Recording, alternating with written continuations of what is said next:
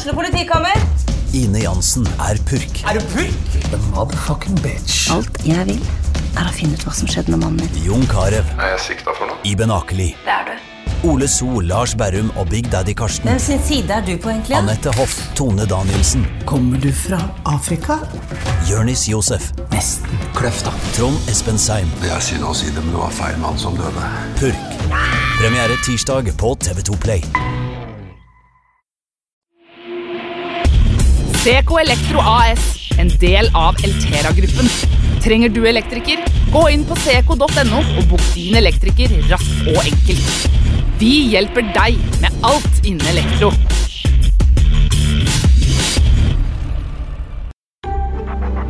Advokatfirma Halvorsen Co. Din foretrukne advokatforbindelse på Romerike. Vi tar vårt samfunnsansvar på alvor, og vi jobber for å bidra til en bærekraftig utvikling i næringslivet og i samfunnet generelt. For mer informasjon, sjekk ut vår nettside halvorsenco.no. Sammen finner vi de gode løsningene.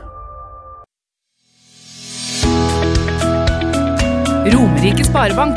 For deg og lokalmiljøet.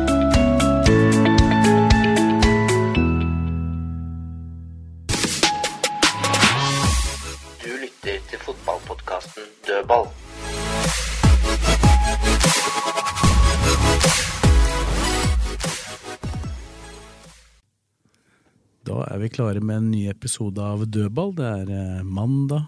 Lillestrøm har slått Haugesund. LSK kvinner har eh, tatt eh, og sikra bronsemedaljen. Vi kan først introdusere de faste gjestene, for vi har med oss en annen gjest i dag. Fredrik Larsen, velkommen. Takk. Alt vel? Ja. Ja, det er bra. Tom Nordli, velkommen til deg Alt òg. er ikke vel. Alt er ikke vel, nei. Men det holdt jeg på å si at det har det vel heller aldri vært. det, det, er vi klar, det er vi fullt klar over. Sa Blakeren.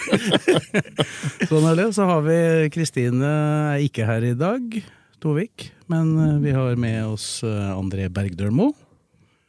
Nå LSK kvinner-trener. Da må vi jo starte med å gratulere med en sikra bronsemedalje.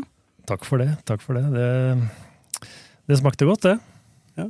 Så, så tenkte jeg på, jeg satt og så på de kampene underveis der på lørdagen, eh, med den kampen som ble spilt etter at dere hadde slått Arna-Bjørnar eh, 3-0. Den hadde jo en viss betydning for hva som kunne skje med, med det resultatet som da blei uavgjort, eller seier til Vålerenga, så ville jo dere da sikre bronsen.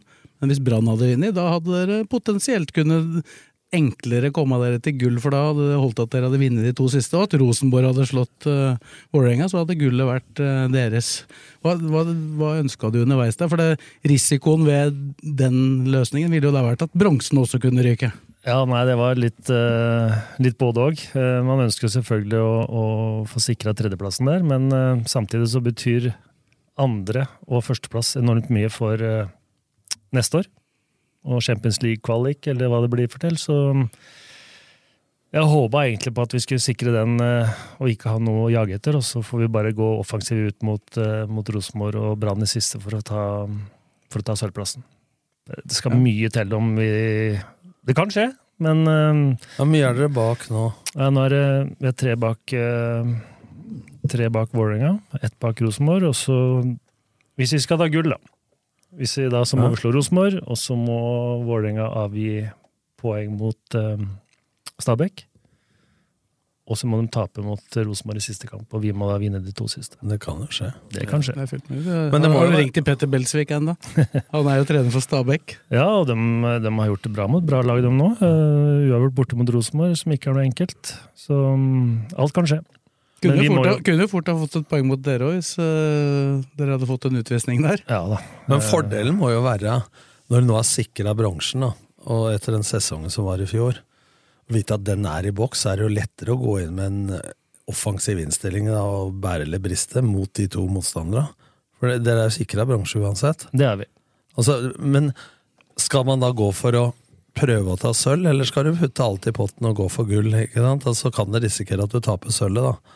Men eh, så lenge gullmulighetene er der Ja, ja, altså det som er, eh, er at vi har eh, slått Rosenborg, vi har slått Brann. Um, Vålerenga? Ja, men dem har vi ikke igjen, da. Nei. Altså, Vi skal møte Brann og eller Rosenborg nå, også Brann i Ja, ja. siste. Og vi har slått dem begge to. Eh, Både borte og ikke hjemme med Rosenborg. Den tapte vi. Men hvem har, du, har du, hvem har du hjemme nå? Rosenborg. Og så har du borte mot Brann? Ja. Det ble andre bortekamp mot Brann av de tre? Ja. Så møtte vi dem hjemme i serien, uavgjort, og så slo vi dem i kvartfinalen i cupen. Men for et møkkamål da Vålerenga får. Den keepertabba der, på corneren. Ja. Så det er jo liksom det derre Det møkkapoenget der, vet du. For da, det er som du sier, Sves, da hadde kunne du vinne to siste, så hadde det vært i orden. Og det var liksom ikke den dårligste keeperen som gjorde den Nei. tabba heller, det var landslagskeeperen per øyeblikk. Ja, den eh, Som ikke burde vært landslagskeeper, den plassen der, eh, den skal Cecilie ta tilbake snart. Det, Ja. det er helt klart. Hun burde ha boksa den ballen. Jeg satt og så på det. Ja. Men uh, dere gjør jobben sjøl. Slipper nesten ikke inn mål. Du kan du fortelle litt om liksom, den veien Når du overtok dette laget, så var jo etter en relativt svak sesong, vi Og ikke minst med veldig mye leven. Spesielt internt, men også kom jo litt av det også ut i, ut i media. Hvordan angrep du den, eh, den oppgaven? Altså, jeg var jo spent. På, har ikke trent dame før. eh, Men, eh, og så er det for enkelt å si at fotball er fotball. eh, Men det er litt andre mekanismer. Det er Du kan ikke forlange å få en ball i bakrommet fra, fra 60 meter, liksom. Altså, det er noen fysiske altså fysiske ting her som, som man må legge litt mer til rette i altså det spillet fotball. da. Men eh, det er jo å være en eh, god trener, en fin fyr. altså Du må være omgjengelig og gi jentene det viktigste er jo å gi dem altså, her skal dere prøve å feile. Dere må feile. Ikke være så redde for å gjøre feil, for da tar vi ikke utvikling. Og så er det mm, Selvfølgelig, det var en del bråk eh, internt som jeg ikke har hatt noe særlig av. Men om det er av at eh, jeg er meg, eller eh, klubben har eh, det, det vet jeg ikke. Men, eh, men det å, å trene jenter er eh, gøy.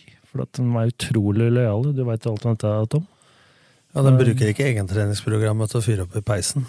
Det, det er, hvis du ber dem hinke til Leirsund, så gjør de Det det. For å sette det. på spissen. Så da må man liksom hele tida balansere hva, hva man skal Man skal jo forlange, man skal kreve, og de ønsker å bli satt krav til. Og så, og så er det ikke så mye som skal til for at de tar steg, og det merker de, og da syns de det er gøy å spille fotball. For fotball må være gøy på trening, og klart, eh, det hjelper jo å vinne kamper. Men det har vel enda større Jeg opplever også at de har litt større behov for å bli sett, da. Eller forklart hvorfor de ikke spiller. Altså, ta et sånn litt morsomt eksempel. Det har mer med personlighet å gjøre enn kjønn. Men de har jo liksom gått på do sammen siden de var to år. Så det er klart at hvis du setter ut ei jente, og det er helt berettiga, så vil ofte venninna være enig med venninna si. Hvis det er to kompiser, for å sette det litt svart-hvitt. Så Og det kan, være, si- det kan da være den beste spilleren på laget? ja, men så vil de si liksom, Hvis det var Fredrik og meg, da, så hadde kanskje Fredrik sagt til meg ta skjerp deg. Da hadde han André, treneren, har rett. Litt forskjell sånn altså, på, på at du oftere må forklare. Eh, men det er jo en treners oppgave, da. Hvis du det er så mye spørsmål at du må forklare vitsen med alle ting, så har vi jo vært for dårlige som pedagoger, egentlig. Og det som er eh, Altså i, i vårt tilfelle, da, at eh, vi hadde jo nesten ikke full tropp, eller nesten lag, på mange kamper i vårsesongen. Så det var liksom Kan du spille 60? Mm. Fordi at det er litt hamstringgreier, og det er litt ankler, og det er eh, Så de, at vi sto igjen denne vårsesongen og fikk så mye poeng som vi gjorde, det var um, kjempebra. Og akkurat nå så er det jo Nå sitter du med et luksusproblem, da, for nå har du flere som banker på døra, flere som har meldt seg på. Det er eh, kamp om plassene, og det har jeg merka også i de siste ukene på trening. At alle har løfta seg litt. For nå, oi, nå er det ikke bare å spille, nå må vi faktisk prestere for å komme oss til en eh, startelver. Så det er um, kjempegøy. Men du har jo brukt, du har jo brukt veldig mye forskjellig òg. Du har ikke mye sånne samme elvere. Ja, og en del uh, i en periode der hvor det var eh, hvor det var en del skader ute. Ja. Men eh, Nei, jeg synes i hvert fall når jeg har vært der, at det har vært mye forskjellig. Ja, da. Nå har ikke jeg så peiling på alle navnene og sånne ting.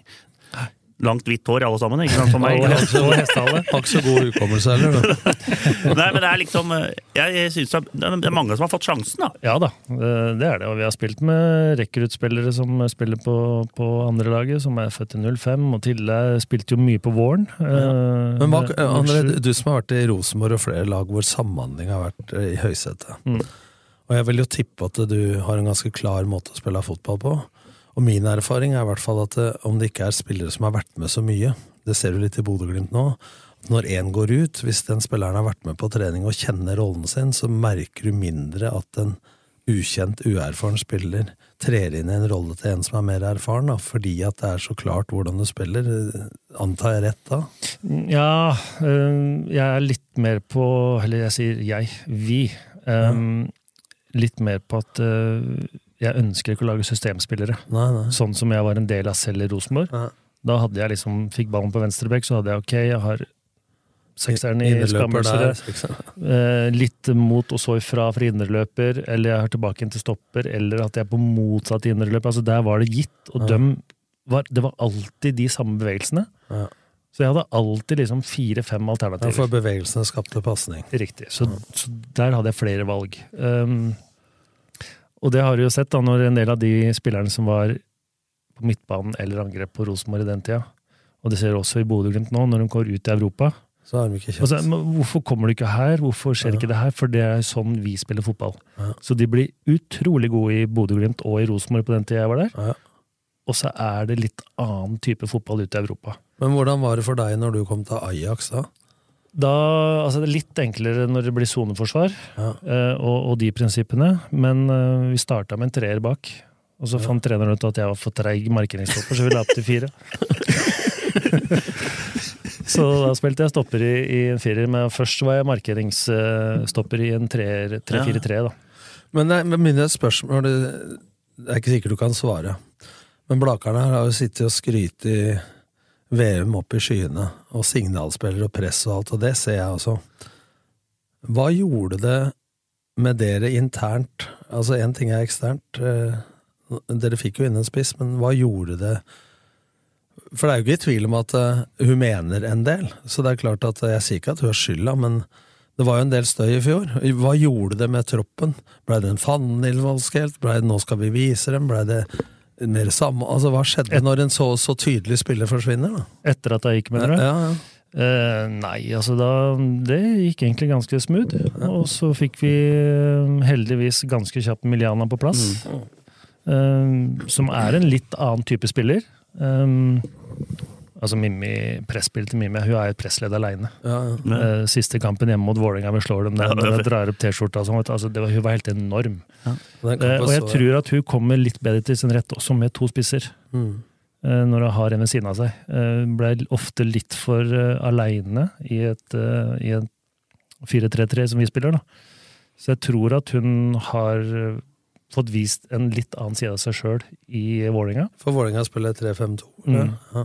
Brukte kanskje litt mer energi som presspiller òg, da. Ja, men vi ønsker jo ikke at hun skal løpe over hele banen, men altså, hun får ikke stoppa når hun først setter i gang. Så, mm, så press, en annen type Men presspiller. hva, det er sportslig, men gjorde du noe med garderoben? Den den er jeg ikke inne i, faktisk. det er damer, dette. Det, det burde jeg skjønt. ja. Men nei, du skjønner hva jeg mener, Ja, jeg skjønner hva jeg mener, men, eh, men det var eh, Det gikk, det gikk fint. Og det Mm. var eh, ja, Det er mye her som sikkert ikke har kommet ut, men eh, som heller ikke jeg skal putte noen ord på. Men eh, jeg tror det var godt for Mimmi. for miljøskiftet, og til Vålerenga, som er en såpass god klubb. Greit for laget òg. Greit for laget, og fint for Vålerenga, som fikk en, en spiller. Og så fikk hun jo landslagsdebuten sin òg, som hun hadde Det har vel fått til. Lillestrøm etter hvert òg. den, den, den var litt overraskende, opp, men du har kanskje kjent til prosessen? Med tanke på at du, hun er jo da i utgangspunktet svensk. Jeg var mest imponert at hun sto og grein da hun sang 'Ja, vi elsker'. Jeg, men er Ja, men hun er, hun er et følelsesmenneske, og så går noen ganger de følelsene utafor alt. eh, Både på godt og vondt. Men eh, fint at hun lykkes, og skåre målet mot Brann nå, da, som gjorde at vi sikra bransjen. Hun blir fortsatt intervjua på svensk. Ja. Svare på Men, svensk. men det men selv om hun gikk, det, er jo tap, det er jo det. Men eh, dere har jo ikke blitt noe dårligere. Sånn eh, med poeng, poengfangst, mener jeg? Nei da. Og var det seks mål jeg fikk for oss, da? Ja. Um, og Miljana skåra sju. Ja. Jern og Bjørnar, som ligger helt nederst. Så at det, er en meget bra spiller vi har fått inn. Så det, sånn egentlig på laget så har det blitt en litt, litt annen type spiss, Ja. men, um, men Bedre feilvendt og sånn, eller? Ja, så lang, lenge ballen kommer herfra ned. Ja. Eh, altså fra brystkassa ned. Eh, sier sjøl at eh, hodespillet hennes er jo ikke det beste, og det er jo ikke noe rart, for hun er jo 1,40 høy, eller? Nei, litt høyere, selvfølgelig. Men eh, ja, hun har eh, Altså, én mot én er hun enorm. Eh, og der er det Begge veier, eller? Ja, faktisk. Men har ikke den kapasiteten helt som Mimmi hadde, men en litt annen type spiller, og jeg vil si minst like god. Men, men samtidig så er det jo kanskje det aller aller mest imponerende er jo måten dere har forsvart dere på, hvor få mål dere har sluppet inn. Det er greit dere har hun som burde stått på landslaget, men det er jo Ja, Det er jo Dere, dere har at jo, ikke hun dere har jo gjort, gjort jobben foran henne òg. Ja da, og så eh, Vi er ikke så veldig opptatt vi er opptatt av hvordan formasjonen skal spille, men det er mer måten vi utøver den formasjonen på, off og def. Uh, også når dem Alltid før kamper så har jeg aldri veldig mye på tavla. Gått gjennom en del ting i løpet av uka, og så ser jeg an stemningen litt, og så liksom i dag Nei, vi skal være best på gjenvinning. Det er kun det vi skal ha fokus på. Ingenting annet. Det kan kun være gjenvinning. Vi skal være best på gjenvinning over hele banen. Og når de da får til det og kjenner at dette lykkes de med, så spiller de med fotball. Og jeg ønsker at hun skal lære seg å, å forstå hverandre, skape relasjoner underveis. Skal jeg komme imot, stikke bak? Altså, ikke systemspiller, da, men de skal alltid tilby seg, og de skal hele tiden være tilgjengelige, og så er det ballførers valg. Det er ikke sånn at jeg løper bak rom, og da skal den komme. Nei, for det kan hende at du har utløst et annet rom. Så det er eh, Men når de lykkes da med f.eks. gjenvinning, så, så ser jeg på alle sammen at de jubler, og at yes! Men fotball, det spiller man likevel. Ja, men det er jo en mestringsfølelse ut fra oppgaven de har fått. Da. Ikke sant? Men, men det jeg tenker når du sier det, er at han ikke er systemspiller, så det jeg har sett, de kampene jeg har sett, da, jeg har ikke sett alle, men jeg syns dere spiller oftere på andre og tredje bevegelsen enn på første bevegelsen. Ja. Og da tyder jo det på at ballføreren gjør det bakromsløpet kommer, drar med seg en forsvar, da blei det plass i mellomrommet. Mm. Da spiller jeg på andre bevegelsen isteden. Ja. Da blir jo pasningsspillet mer variert, da.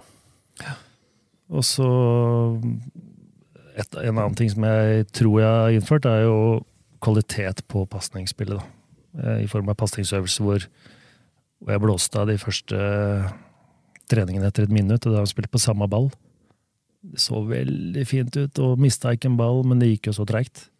Så jeg har sagt at dere skal bomme. Dere skal teste ut hvor hardt du kan skyte ballen til den og den og den. Bli kjent på den måten der, og så skal du, så skal du bomme. Du skal utfordre deg sjøl, om det er ristspark eller venstre eller høyre bein. altså uansett, Og så skal vi spille på riktig fot i forhold til hva det neste trekket jeg ønsker Ja, dette å husker jeg du sa til meg i LSK-hallen. At de Ja. skal lære seg å skyte i pasning på riktig fot. Ja, altså, altså- du slipper å Da blir det kl- klabbete. Da. Men det å være, Altså, det å være kjent med medspillerne sine kvaliteter, da, for hvis du bruker et eksempel fra din tid, da, Mm. så kan du ha systemspillere, men jeg tipper jo at hvis Mini bytta wingplass med Kent Bergersen, så slo det ikke like mye baller i bakrom. Helt Han ha han det handler jo om å så kjenne til lagkameratene sin spisskompetanse og sette dem i en posisjon de får brukt sine beste egenskaper. Og da må de jo bli kjent med hverandre, da, som du sier. Kent Bergersen har hatt å spille venstre mot Gjermund Brensæter i Brann. Han måtte drible den fire ganger før han fikk slått inn. Han dribla jo to mann i en telefonkiosk, Ja. men, men forskjell, forskjell på jogg og spurt var han beit sammen tenna. Ja, men altså, for, Fordelen hans var at han løp akkurat like fort med ballen i beina som han løp hvis han ikke hadde ball der. Men sånn, Man kan si det, da, men hvorfor var Ben Skammelsrud god? Han hadde jo aldri vært det hvis ikke han hadde visst at Kent Berger skulle ha ballen i beina, eller at du kom på overlapp, eller at Mini skulle ha han i bakrom. Og Det er jo de relasjonelle Men det- ferdighetene. Men men det, det kan du litt- ha uansett om det ikke er systemspill. Ja. Det var jo også litt med det, det blir jo ofte sagt at eh, liksom, Eggen spilte på en måte, men han spilte jo ut fra hvilke spillere han hadde. han For det er grunnen til at Bergersen spilte der og kunne spille på den måten, det hadde jo blitt helt stikk mot Det var jo derfor Mini ble flytta til høyre når de spilte sammen i Rosenborg, da han kom tilbake fra Youngboys. Det var jo fordi Øyvind Leonardsen løp jo der. Mm. Hvis Mini skulle løpt i samme rommet, så hadde det blitt feil. ikke sant? En- han spilte jo med Sørloth som spiss og Brattbakk som spiss. Det er to ganske Ja, og, forskjellige spillere. og Karev. Ja. Men det er en sånn interessant tanke, for eh, før så var jo jeg opptatt av systemet, også i start så skulle jo Doffen Hestad absolutt ha spilt innafor Alex Valencia, som ville ha ballen i beina. Men så hadde Fredrik Strømstad og Alex Valencia så god kjemi på og utafor banen at du, la bort det taktiske som på papiret skulle være bra. da. Så, så Doffen spilte på venstresida sammen med Berlin eller Jon Mitterli, hvor egentlig begge var gjennombruddsis i utgangspunktet. Men det har noe med den personlige kjemien å gjøre òg, da. Du skal ikke undervurdere. Før så skatte man radarpar tilfeldig. Harald Berg, eh, altså Harald Sunde, Odd Iversen osv. Men dette kan det jo skape gjennom de relasjonene, uten at det er nødvendigvis at du har de åtte valga som venstreback. Etter samme bevegelse som venstre. Men det er jo litt av sånn fotballen utvikler seg òg, da. Men det som vi bare hopper tilbake igjen til det, det, det som er viktig, da, er at de, de forstår viktigheten av å slå gode pasninger på riktig fot. For eksempel høyre back skal vende spillet til nærmeste stopper. Da må da Wallis, da, som er kaptein og høyre back, vite hva er det hun ønsker at stopperen skal gjøre. Hvis du ønsker at stopperen skal vende videre på motsatt indreløper eller klinke den på motsatt kant, så skal den pasningen komme på venstre fot. Legg den til rette og på For neste da, for da kan hun bruke to touch, legge til rette med venstre, ja. slå med høyre. Hadde hun slått med høyre, så kunne hun kanskje ha brukt tre touch. Ja, og så hvor ofte, hvis du, hvis du legger merke til det, uansett nivå, eh, så ser du at når stopper, eller bekker skal slå den inn eh, og, og vende spillet, da, så rygger stopper av to-tre meter fordi pasningene er unøyaktige. Ja, For de ønsker å få den på venstre. Mm. Hvis du kommer fra høyre, da. Da har du tapt tid. Da har du tapt tid, og da har motstanderen fått lov til Å ja, det er det dere vil, og så har de bare jogga litt over, og så har de ikke vunnet noe det gjelder. Jeg blir glad av å høre det, for du kan, du kan le av vannpolo, men da, da svømmer du. Men altså, da Tidspunktet du kasta ballen, det var selvsagt noe når eh, den ene armen var fram. For når du da tok ett tak, så var det naturlig å bare få den i armen og skyte. Hadde du kasta på andre armen, så måtte du tatt eh, to kjappe tak. Og overføre den Sånn tenker de litt i håndball òg. Altså overføre den til, til fotball. Men du, åpner, du åpner med, ved å gjøre det på den måten, så innbiller jeg meg du åpner veldig mye for kommunikasjon og samtaler mellom spillere underveis, både i treninger og, og ikke minst mellom treninger og kamper. Ja, ja. Og så, og så er det viktig at de, de skaper relasjoner underveis. Altså, hvis Oda som venstrebekk da får ballen, og så starter Miljana bakrom, og så har hun starta enten for seint eller for tidlig, eller er det en for dårlig pasning til Oda, eller er ikke hun godt nok orientert? Det er sånne ting, da. Da tar vi det. Også det ønsker jeg at de skal ta underveis, og det gjorde Miljana nå faktisk mot, uh, mot Arna Bjørnar. Uh, gikk til Oda, sa at jeg vil ha han der. Når du får han, så stikker jeg bak. Og det endte jo opp i en scoring. Men hun starter fire-fem ganger veldig bra, i riktig timing, men da er vi ikke helt eh, klare, og relasjonen er ikke helt der. Men så får vi det til underveis i kamper òg. Men ta det eksempelet du hadde fra høyre back til høyre stopper, da. Og hvis uh, Volvik er det heter, Mm. så vil at hun skal, eh, stopperen skal vende spillet. Mm. Da lærer jo også motsatt innløper og, og kant da, til å se at hvis hun tar den med høyre, så blir antageligvis flere touch, eller at ballen går eh, sentralt eller med høyre. Tar han mot venstre, så er det et timingsignal til at da kan venstre innløper og venstre kant starte. Helt riktig. Det er det som er poenget her. Det er det poenget. Og også fra back inn på en indreløper. Hvilken fot spiller du? Er det for å få en støttepasning, eller er det for å vende opp? Oi, det er vende opp, ja. Og da kan startinga fra kant og spiss gå i forhold til det. Men det som imponerer meg da, er at eh, hvor fort de har, du har greid å implementere det her. For det er ingen tvil om at det her tar litt lengre tid enn en systemspiller. da. Altså, Hvis du skal ha raske resultater, sånn som jeg har tatt over noen klubber noen ganger, Mm. da må du si at eh, når ballen er der, gjør du sånn, har du tre valg. Sånn, sånn, sånn. Eh, og det blir helt annerledes, da. eh, men det kan jo bli bærekraft over tid. Men samtidig, da, du veit jo det du òg, Mm. så er du avhengig av mens du implementerer noe sånt, da, å vinne fotballkamper. Ikke sant? På kort sikt, og hvis ikke så får du ikke tid til å implementere det. Så og det er sånn det som er litt ja. spesielt med, med det at dere da For det er jo Når du spiller sånn som du sier nå, så er det jo potensielt muligheter for å gjøre feil med ball, hvilket vil gi overganger til motstanderen. Men dere har jo sluppet inn veldig lite mål, da. Ja, og der og igjen altså, er det sånn Vi skal feile, vi skal prøve, vi skal være modige. Men, og, og feil kommer hun til å gjøre resten av sin fotballkarriere. Kanskje mer feil enn gode ting. I forhold til startinger og løp eller balltap eller um, tapt duell. Men hva gjør vi? For det er helt greit å, å miste noen baller. Det er helt greit å ikke nå fram med den pasningen der, men hva gjør vi når det skjer? Men dette tjener jo på, ja, ja. etter min mening, fordi at hvis du har en innstilling på det, at det er lov å gjøre feil, så blir jo tida fra du har gjort feil til noen vinner en ballen eller reparerer sjøl, kortere enn hvis de står med dårlig kroppsspråk og rister på huet og, og fokuserer på at det er dårlig. Mm. Du tjener på uh, Ja, vi mista den, det er lov. Hva gjør du? Det er det du er fram til. Hva Ja, gjør du når når du har hjelp, mista Og hjelp hverandre. Ja. For da, neste gang du mister, så er det en annen på laget som tar det løpet for deg, eller tar den sklitaklinga, eller for at vi skal igjen få ballen og prøve på nytt. Så vi skal prøve og vi skal prøve, og vi kommer til å feile, feile, feile, men de føler en trygghet til det, da. Og da tør de, og så kjenner de at oi, nå blir det bedre og bedre. Så de føler at de, de får lov til å feile, og føler at de tar utvikling, og da synes man at fotball er gøy. Og det er, Men, men gøy. virkninga når man lykkes, blir jo enda større, da. Ja. Fordi at de får er ikke så redd for konsekvensen. Så Da ser får, de at får, det du, får du også selvtillit når du lykkes med det, selvfølgelig. Men uh, i det korte bildet nå, så er det Rosenborg og Brann, selvfølgelig. Kan du si litt om, om Rosenborg-matchen.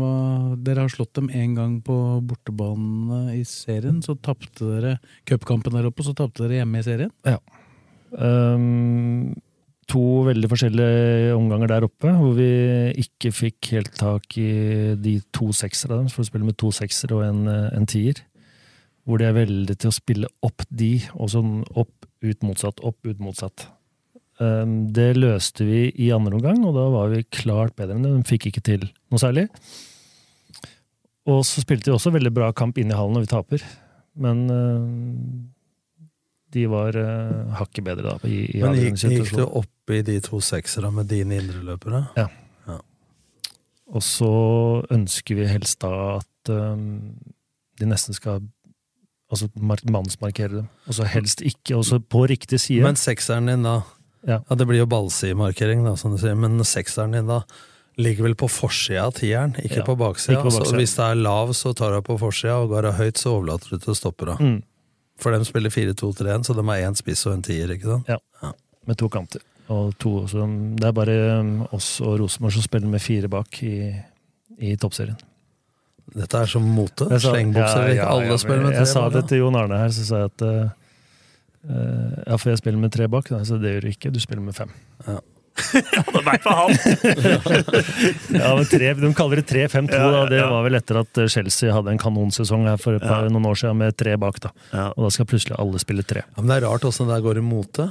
Ja. Før også var ingen som hadde fri to dager etter kamp, og så begynte Janne Jønsson med det i Stabæk for at det egentlig var et rekruttlag som skulle få restitusjon.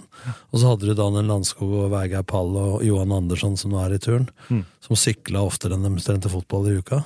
Og så ble plutselig, når dem vant gullet, så gjorde alle det. Ja. Det er sant, det. Ja, det vi, tittet- vi så i en kampen nå mot eh, Erna Bjørnar, um, hvor jeg mener at de kaster bort to spillere i å spille tre mot, mot Miljana aleine. Ja. Og wingbacker som tar seg av våre kanter, og så er de tre mot én. Og, det, og det er på bak. Ja, bak, altså bak ja. Så de spiller liksom med tre stoppere, og så har de to wingbacker som løper opp og ned. Uh, og for meg da, så kunne de ha plassert ut altså Jeg er litt opptatt av posisjonsspill. da, At Ja. man skal ha posisjoner. Jeg vil ikke at to indreløpere skal løpe i samme rom, for eksempel, eller spissen dropper ned. Ja, men da må indreløperen ta fjern deg fra det rommet. Ja. Vi må ha posisjoner, og der er liksom litt pep, da. Pep Guardiola er jo veldig posisjonsspill. Eh, og det har de begynt å skjønne, så det er litt artig. Ja. Hvis du ser enda lenger fram, nå har det gått veldig opp i år med LSK-kvinner. da. Hvis du ser videre inn, vi veit jo at det er noen økonomiske utfordringer eh, for klubben. og Virker det som i hvert fall midlertidig er løst for i år.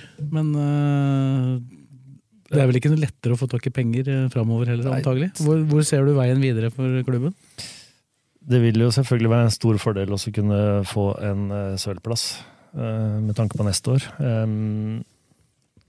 Betyr det, hvor mye betyr det økonomisk, det? Sånn direkte Hva var støtte? det Mediepenger, tenker du bare? Nei, Champions League-deltakelse. Ja, men det er ikke noe mediepenger for seg? Jo, den økte vel med Var det 30 millioner, altså fordelt på ti lag, da. Så er det drøye tre millioner, tror jeg. Ja, nå tenkte jeg forskjellen mellom annen og tredje. Det, Det er sikkert litt Ja, det er ikke mye, tror jeg. Jo, det er det faktisk. Eh, Men det husker jeg ikke helt hva det var. Ja, ja. Eh, Men det er eh, Så både, fra, bare for fjerde til tredje er også stor forskjell. Men, men, på, men du sa i stad, ikke sant, skal vi gå for gull? Men du kan jo bli litt sånn reservert der, da. Hvis du veit du sikrer sølv, så er det Champions League, og så er det mediepenger. Men så er du på tre sikra trea, men så kan du få gull. Det Ja. ble jo en sånn avveining da. Kassereren begynner å dra deg i øret. Ja. Ta sølv, ikke gull. Men er det kortere vei i Champions League med førsteplass eller annenplass? At du må gjennom mindre kvalik eller noe sånt? Eller er Jeg tror det er motstand. Motstand? Ja. Motstander Du så det jo nå er på, på men Brann som ble Ja. Fikk jo vanskeligere motstand enn Vålerenga som vant. Ja. Men, Men så har LSK kvinner en bedre ranking fra Ja. tidligere ja, e-cup-resultater. så per nå så er vi fremdeles nummer, ranka som nummer 22 i Europa. Så jeg tror det kan ha noe å si med På grunn av den, den Og Vålerenga har jo vært mer med i europeiske i Champions League enn det Brann har. Ja, ikke sant. Så mm, Altså, de mediepengene som kommer inn, er jo bare en brøkdel i forhold til uh, eliteserielaga. Er Gjør det enkelt. Prøv å vinne de to kampene. Ja, ja, men ja, det, det ja, Men det, så- sølv, det sølvet, da, det betyr så mye for spillere òg. Ja, ja. Du kan få Du får lettere spillere til deg, og dem som er der, blir der. Ja. Men altså, vinner vi de to siste kampene, som vi selvfølgelig Som dere gjør? ønsker- Som vi kommer til å gjøre Det er ikke noe å lure på, Blakkaren. Så så blir det garantert sølv. Ja. Og så kan vi være heldige om, om, eh, om eh, Stabæk eh, tar et poeng fra Vålerenga, og at Rosenborg slår med siste. Mm. Men vi må gjøre jobben vår, og den første jobben nå er jo selvfølgelig full fokus inn mot Rosenborg på, på lørdag. For det sa jeg til dem nå i garderoben før vi gikk ut på Arne Bjørnar òg. At um, Jo, jeg tok et eksempel fra meg sjøl, faktisk. Lærte av Tom, for han har alltid noen eksempler om seg sjøl. har jeg hørt på noen podkaster her, så jeg når jeg var i start, og når jeg var ditt og det, var, det er veldig mye. Vet vet du hva det kalles til det? Erfaringsbasert Ja, ikke sant? Han har, han har vært noen steder, men det er veldig få steder han har vært veldig lenge. Ja, ikke sant. Nei, så, sa jeg, start så, så sa jeg til dem før, eh, før kampen nå at eh, For jeg har aldri samme inngang. Noen ganger så kan jeg kline til litt, og andre ganger så er hva jeg sier da, for å få dem opp av det. Det er aldri mer enn to, tre, fire minutter. Og så sa jeg at um, Snakker om i garderoben nå, eller på spillemøte? i garderoben, Ja. Uh, en time før, så går vi ut og varmer opp kvart over, og så, så går alltid en hel, da, en time før. Og så sier jeg til dem det at uh, nå skal jeg faktisk uh, si noe om meg sjøl. det var at jeg var straffetaker i FCK. Bomma ikke én gang. Jeg tok alle straffene i Ajax, bomma ikke én gang. Kommer til Dortmund, spiller Champions League-kvalik mot eh, Brygge og Trond Solli. 0-0 i første match, 0-0 i andre kamp, straffer. Og så får jeg beskjed om Vil du ta straffe? Ja ja, klart det. Hvor vanskelig er det, liksom? Og da gikk jeg fram, og så For jeg har alltid sagt at når dommeren blåser, så har jeg bestemt meg for det. Aldri sett på keeperen. Jeg har bare sagt at den skal gå så hardt og så langt inn i hjørnet at den tar den ikke uansett. Men da så spurte jeg dem da, hva tror du jeg feila på. Jeg bomma. Jeg skjøt min dårligste straffe. Du ombestemte deg? Nei, jeg tenkte på åssen jeg skulle feire. Ja. Jeg tenkte på hva som skjedde. Kons altså, Ja, for du var så sikker på at du jeg var så cocky! Ja. Og da begynner jeg å tenke hva er det som skjer etter at jeg scora? Og da har jeg jo mista fokus på arbeidsoppgaven. Så det du det vil, er at hvis du til Arne og Bjørnar eh, Da fikk du dem til å tenne til den kampen og ikke tenke på Rosenborg. Det var hele Helt poenget ditt. Ja, hele poenget er at vi kan ikke tenke Vi, altså, vi må ta én og én arbeidsoppgave, og det er det jeg sier til dere. nå. Må vi ha fokus på Rosenborg. Og ikke ditten og datten om eh, resultater og Vålerenga. Fokus på det vi gjør, og så eneste beste vi kan gjøre, er å vinne de to siste kampene. Ja. Men vi må starte med Rosenborg. Ja. Hvis vi tenker nå Brann omtrent før Rosenborg, så Men det er mange lag som har gått til den fella. De sier Molde spesielt når de rullerte mye og bytta elleve mann mot Sandefjord en gang. For da skal vi spare dem, for dem slår vi likevel. Ja. Og for da det blir viktig i den kampen Oi, vi tapte den mot Sandefjord, så da burde det ikke vært der likevel. ja, ikke sant? For det deles ut eh, ett, eh, null eller tre poeng i hver kamp. Men åssen ser troppen ut nå da mot disse matchene? Er det karantener på gang? Er det Pleier å være litt sånn på slutten. vet. Ja, eh, vi har, eh, tror jeg, to stykker som ikke tåler et gult kort Mm. for å da må stå over. Og så mm, tok Katrine Winnem Jørgensen dessverre fikk et lite brudd i en bein i ankelen nå mot Arne Bjørnar. Så hun er ute de to kampene her. Og hun har vært veldig, veldig viktig for oss. Utgangspunkt i midtstopper. Skårte ikke hun nå? Skårte nå, Ja. Mm. Så Men spilte jeg sentra på midten nå, eller? Spiller, jeg har spilt sekser i hele år. Men jeg, jeg, jeg liker å prate litt om spillere og sånn. Fiskestrand er helt rå, men hun gode i år det har jo vært helt fantastisk. Fikk landslag nå òg. Ja. øh, hun skulle vært klink innpå den startelveren på landslaget. Og det sier jeg ikke bare for at jeg kjenner henne. Nei, jeg men hun, altså, hun har øh, off og def boks, ork God- god på huet, gå- scorer. Ja, ja, gå, lange utspill. Altså Hva er jeg best som? Indreløper. Men indreløpere av våre sekser altså, Ja. Som jeg sier, Katrine er jo helt enormt å kunne lese spillet, så hun bare hun, hun drifter bare ut av sin seksposisjon. Ja, men da kommer indreløperen og tar sekser. Så vi, de er litt uh... Men hvem spiller sekser når hun vinneren er ute? Du er ikke gi lagoppstillinga til Rosenborg her. Nei, det kan jeg ikke gjøre, men øh, det, nå har vi Irene tilbake igjen. Hun skåra mot um... Ja, hun har jo kommet tilbake nå de siste ukene. Veldig bra. Uh, Ivi er øh, vært litt ute nå, men det er for at Irene har gjort seg litt fortjent til å spille. Har vært veldig bra. bra. er det jo Christensen. Ja. Ja. Uh, og så er det Emma, da. Så det er liksom de tre. Og så har vi Tilde. Så har vi Gashi, så vi har flere å, å sette sette Ja, du, du har vel aldri hatt en bedre uh, mulighet til å erstatte, selv om hun er veldig god, da? Nei, ja, ja. Men akkurat nå så er jo alle på hugget, og alle er friske. Så, mm, så da blir det spennende å se hvem vi ender opp med. Nei, det er jævla imponerende, altså. Så det, nå er det matcher til å følge med på utover her. 27 kamper er helt overlegent, det òg, da. Men da lurer jeg på det. Skal du se kamper. de kampene, eller skal du på hockey? Nei, jeg ser se dem. Jeg bare lurte. Men jeg er interessert i hockey, ja. Jeg er glad i Ja, det, det har vi fått med oss. Vi går fra Vålerenga, Lillestrøm-Vålerenga for å se Det var jo 2-0 avgjort der, da. Vi går, i går sto det over premieutdelinga på kretsmestere på Åråsen for å være på hockey. Ja. Du skulle jo vært ute på Åråsen og bli hylla av publikum. Ja, men gutta, den skulle hente den diplomen. Den skulle vi fått etter eh, siste seriematchen, mener jeg. Da skulle kretsen vært der. det er ikke litt hyggelig at de blir satt uh, Jo, jo, helt, jeg, jeg synes det var eh, helt overlegent arrangement, ja, men det, jeg mener kretsmestere ble, ble hedra siste hjemmekampen eller siste seriekampen for sesongen. Det er litt sånn morsommere. Sånn er det. Ja, det er min mening, da. Ja. Skal, vi, skal vi bevege oss over til eh, det som skjedde utenom premieutdelinga på Åråsen i, i går, da. Eh, mot Haugesund. eh, da ble det seier. André, du har jo en, har en fortid på Åråsen, både som trener og som eh, spiller. Så jeg vet ikke Det var jo det var jo en som fikk oppleve eh, Kanarifansens vrede i, i sommer. Kjente du deg litt igjen da Geir Bakke dro til uh, Vålerenga? Blei så glad, jeg. For da er jeg, da er jeg ikke på den toppen av Nydalslista lenger. Det er helt nydelig, Geir. Ja, nei, ja, klart jeg er kjent med henne, men det er um, Det er liksom, Fotballen er fotball. Altså Det er følelser, og bytter jobb gjør folk i, i hele Norge. Eh, men det er, det er jo spesielt å gå fra Lillestrøm til Vålerenga. Men um, Men akkurat på den tida du gikk, var det kanskje mer spesielt å gå til Rosenborg, faktisk? Akkurat, vel- akkurat da. Ja, jeg var vel førstemann fra Lillestrøm til Ja. Rosenborg. og- Og så skal det sies, for de som ikke husker tilbake, så var det jo en veldig spesiell Det var jo på den tida hvor du hadde én mulighet til å gå fra en klubb, og det var når du var ute av kontrakt. Det som nå kalles bossmann. Ja. Du fikk jo tilbud om ny kontrakt i LSK, men ville ikke takke ja til det. Og da hadde du da på en måte fortsatt ikke egentlig muligheten til å gå uten at det var en overgangssum. Stemmer, stemmer det. Men så gikk det jo ett år, Ja. og så var jo 98 Bossmann dommen. Så du ville, jo, du ville jo per definisjon, ett år seinere, ville du jo ha vært gratis. Mm. Men uh, Jeg tror, jeg tror Lillestrøm på den tida fikk 700 000 for meg. Og det, var, og det må ha vært mye da. Så, Det er samme det som fikk fra Bjerkland til Nürnberg, da.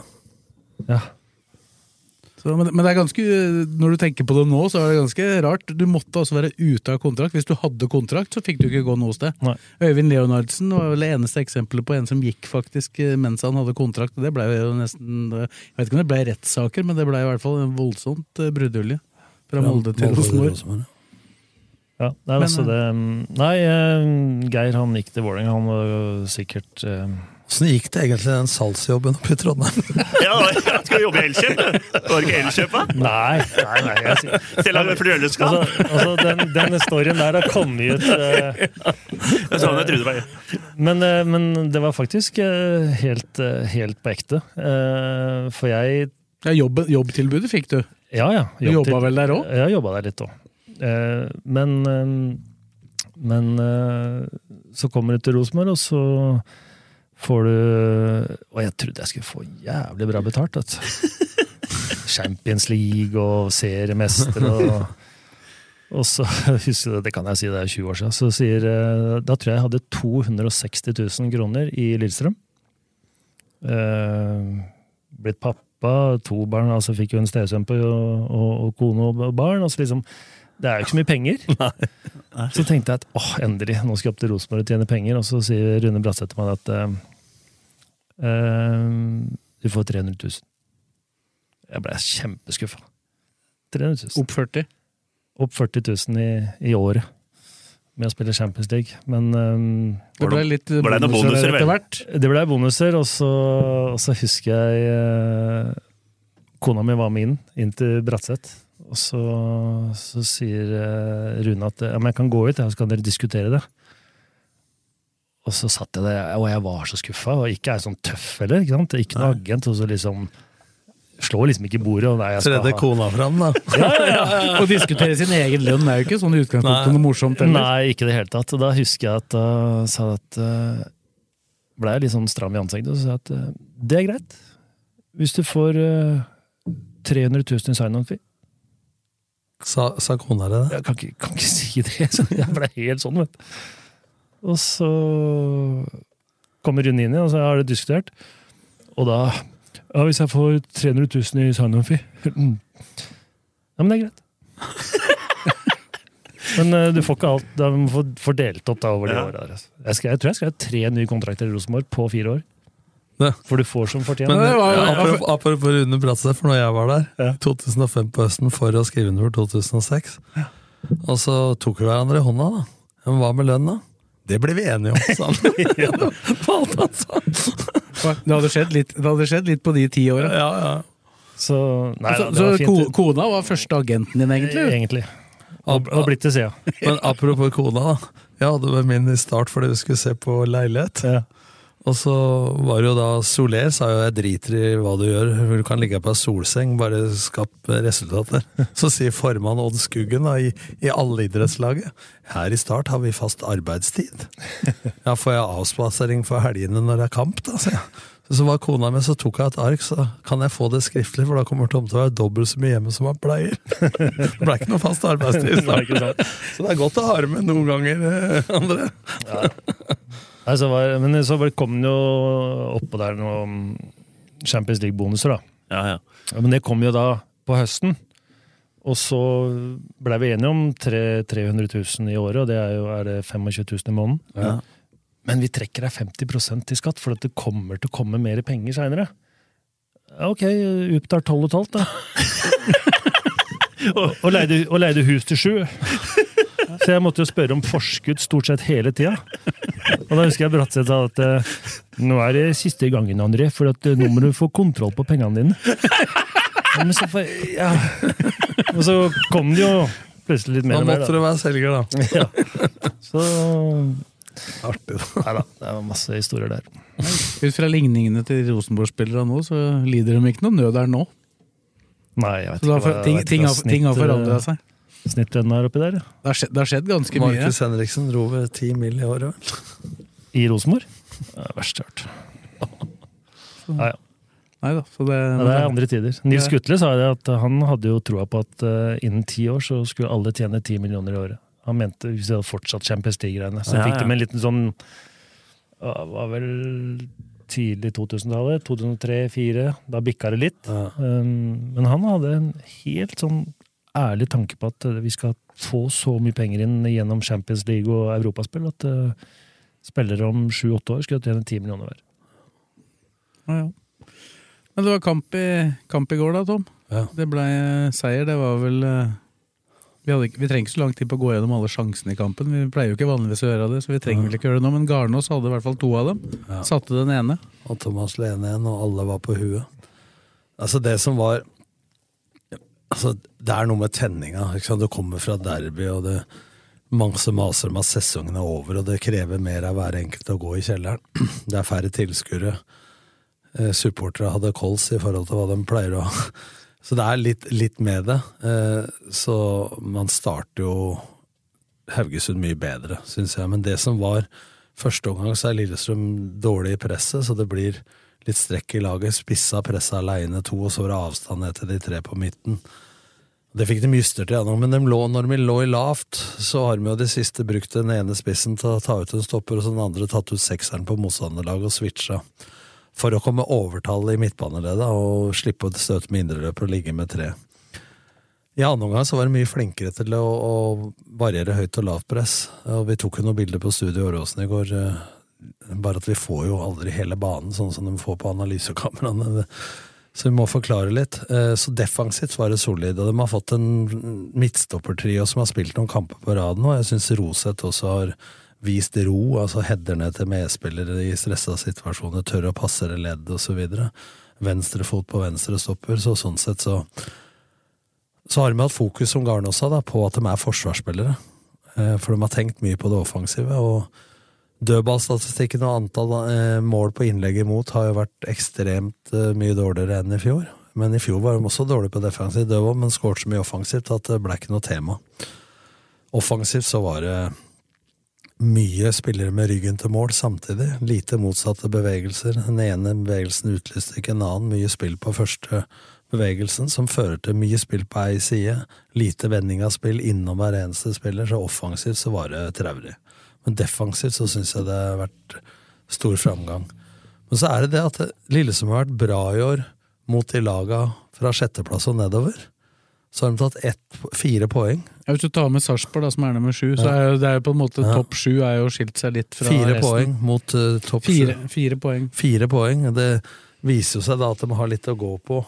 Litt motsatt, så de har blitt bedre i angrep mot etablert forsvar, men de har jo ikke vært gode nok mot bedre motstander. Og jeg mener jo det at eh, vi telte Ogbu, Petterson bak, Matthew Kairinen Dragsnes. ja, vent nå. Matthew Kairinen Knutsen på midten, Dragsnes venstre, Fridjonsson og Akor på topp. Fridjonsson spilte mye, da har du mista sju, seks, sju, åtte av en elver. Og jeg mener at det- det som ja, var fjerde i år og, og skal bli bedre altså Når de valgte å gjøre de salga, så mener jeg at du ikke kan forlange noe mer enn å kjempe om femte-sjetteplass. med Så Eirik Bakke har jo en utfordring da, i forhold til at uh, nå skal de satse på Skogvold osv., og, så videre, og konkurransen er mindre. så ja, det er ikke superbra, men jeg mener hvor høyt kan du legge lista? Må være litt realistisk i forhold til altså Eivind Hel Nå skal jeg ikke kalle det men Eivind Hellstrøm lager jo ikke gourmetmat av Kvist, han heller. Altså, mannskapet er totalt sett dårligere enn det det var ved sesongstart i fjor. Og da kan man si at vi ble nummer fire i fjor, det er naturlig å ta medaljer. Det har jeg sagt av det, men etter hvert som man har da skifta ut stallen, og med alle de skadene vi har hatt på samme plasseringer, så mener jeg at det er der de ligger. Og så I fjor var de jo et lag som slapp til veldig lite. Da hadde du jo Garnås var jo der da òg. Så var det Ogbu, og så var det Petterson som på en måte var første Eller Dragsnes. da. Eller Dragsnes som var liksom første Men i går var hun tilbake der igjen. Ja, og, og det jeg tenker på, da, at de er Det ligner jo nå når de har fått liksom spilt uh, disse gutta varme, og ikke minst fått en kombinasjon og en uh, så, så ligner de jo mer på, på fjoråret enn det de siste kampene hjemme, i hvert fall. Har de gjort det? Ja, og når de ligger lavt, da, så er de flinkere til å nekte innlegg og sånne ting. Da, og dominere både sentralt i banen og på kant. Altså, det var jo en stund at hvert eneste innlegg av korridorfrispark og corner var livsfarlig. Og I går var det mange både innlegg og Ja, dødballer hvis i du sammenligner med Sarpsborg borte, da, hvor de var åtte mann Jeg veit at de har fem i sone, men vi tok jo noen bilder i studio også, hvor de var åtte mann i sone. Eh, Og alle står eh, i pølsekø og ikke sidevendt og, og bare ballwatcher. Så jeg syns jo det er rart at det har tatt så lang tid, akkurat det, da, på faste situasjoner. Og jeg veit de la om litt på grunn av VAR, og at det var færre sperretrekk offensivt og mindre riving defensivt, men når VAR ikke har tatt det, da, så syns jeg det har tatt for lang tid i sesongen før man har greid å justere tilbake igjen. Da. Men eh, i går så er det en traurig fotballkamp, sånn for tilskuere. Men sånn som fra trenerøyemed, så var det solid defensivt, men for tamt offensivt. Men de har to målsjanser imot, og det er jo lite. Men de har jo bare tre for. Ja, og de to imot var vel ikke ekstremt store Eller, Nei, egentlig. og det, så det er bra, men så møter de også Det er greit å si at eh, Haugesund er formlaget, men vi må ikke prate opp Haugesund som det er topplag. Altså, De har ligget nede i gjørma hele år og fått litt løft nå eh, ved trenerbytte. Og litt frigjøre litt energi, og, og ikke så faste spillmønster, men litt mer frihet. For de har jo ganske godt mannskap. Men eh, vi må ikke prate som at eh, Haugesund er eh, topp fire-motstander de har slått. Så jeg mener det er på paret at de skal slå dem da, hjemme på Råsen. Ja, de hadde jo ikke Haugesund tror jeg hadde vært i nedrykksstriden uten han keeperen. Han keeperen Ja, han er kanongod. Har- De to, de, to, de to beste redningene hans i år eh, har ikke jeg sett alle Du må Haugesund. tre, men- da, for den mot Haugesund på Ibrahim. Det var en Ja, men den er sterkere den andre enn den første. For ja. Først er det Adam som header, og så er det returen fra Ibrahim Ibrahim Mai, Mai. Som, jeg tror ikke Ibrahim Mai fortsatt skjønner hvordan det Men den ikke ble mål. headinga går på det knallharde innlegget fra Aasen, også den flikken med huet fra Lene Du så at Det du så at Lene ikke skjønte hva som skjedde. var skjedd. håndballredning, da, for Han får opp denne høyre ja, venstrearmen, blir det. Så det, da skjønte ikke Ja, det, Lene så mye. Men han, han er eh, Skraper vel Nyland på Ja, ja, men du, kan jo, du ser jo den bare Den viktige matchen de vant 1-0 hjemme mot Lillestrøm, Haugesund. Da sto han som Han hadde to Ja, det, hadde den- det var den vi Det er tre om poeng, det. Det er tre poeng, det. Hadde han ikke fått de tre poengene på Lillestrøm, så hadde han vært der nede. Ja. Og han har hatt flere, altså. Hadde han stått for Vålerenga, så hadde Vålerenga flere poeng. Men nå har jo Lillestrøm, dette har vi sagt i flere podder, nå har jo Lillestrøm i mange år gjort hyppige trenerskifter og brannslokking på spillere osv. for økonomien har vært dårlig. Nå er økonomien i orden, og de har hatt en strategiplan siden 2017. Og så har man fulgt den, og nå skal det en ny strategiplan. Eh, Men man har tenkt veldig langsiktig for en gangs skyld, og det har vært bra. Men nå brenner det litt på dass i forhold til å tenke 2024, mener jeg. altså, For at du må, vi tok det jo sist, du må ha inn to-tre midtbanespillere og to spisser. Jeg tror de er ganske klare i det. For det er klart Når du ser den midtbanen, selv om enkeltspillere på den midtbanen er bra, så er det jo for lite frekvens i den i sum. Ja, det, det mangler spillere som med fart. Eh, og det mangler spillere som kan ta ut en og forandre et kampbilde. Det blir liksom ta ut Hoff og sette inn Lundemo. Det blir mer liksom hvem av dagen. Det blir litt av det samme kvaliteten som de har, og det bygger en stall hvor du har mulighet til å forandre kampbildet litt i forhold til de individuelle ferdighetene hver enkelt har. Der syns jeg stallen har litt dårlig balanse da, i forhold til det. Og så er det spørsmålet hva Men de tapte til deres forsvar, da. Det er klart at når Geir og Petter forsvinner, og det er kanskje to-tre overganger som er planlagt, og Simon Messin plutselig er på vei til QPR, så er det klart det er en del overganger da som blir satt på vent, og det er en del spillere du kjenner deg sikkert en som skal jeg gå til Lillesund nå, hva skjer neste år, hvem er som blir trener osv., hvordan fotball skal hun spille. Så det er klart at der så haster det, mener jeg, da, mer enn mange tenker, på å få på plass strategidokument én ting, men hvem skal trene laget, hvordan skal hun spille, hva er min rolle hvis jeg skal gå til Lillestrøm i det laget?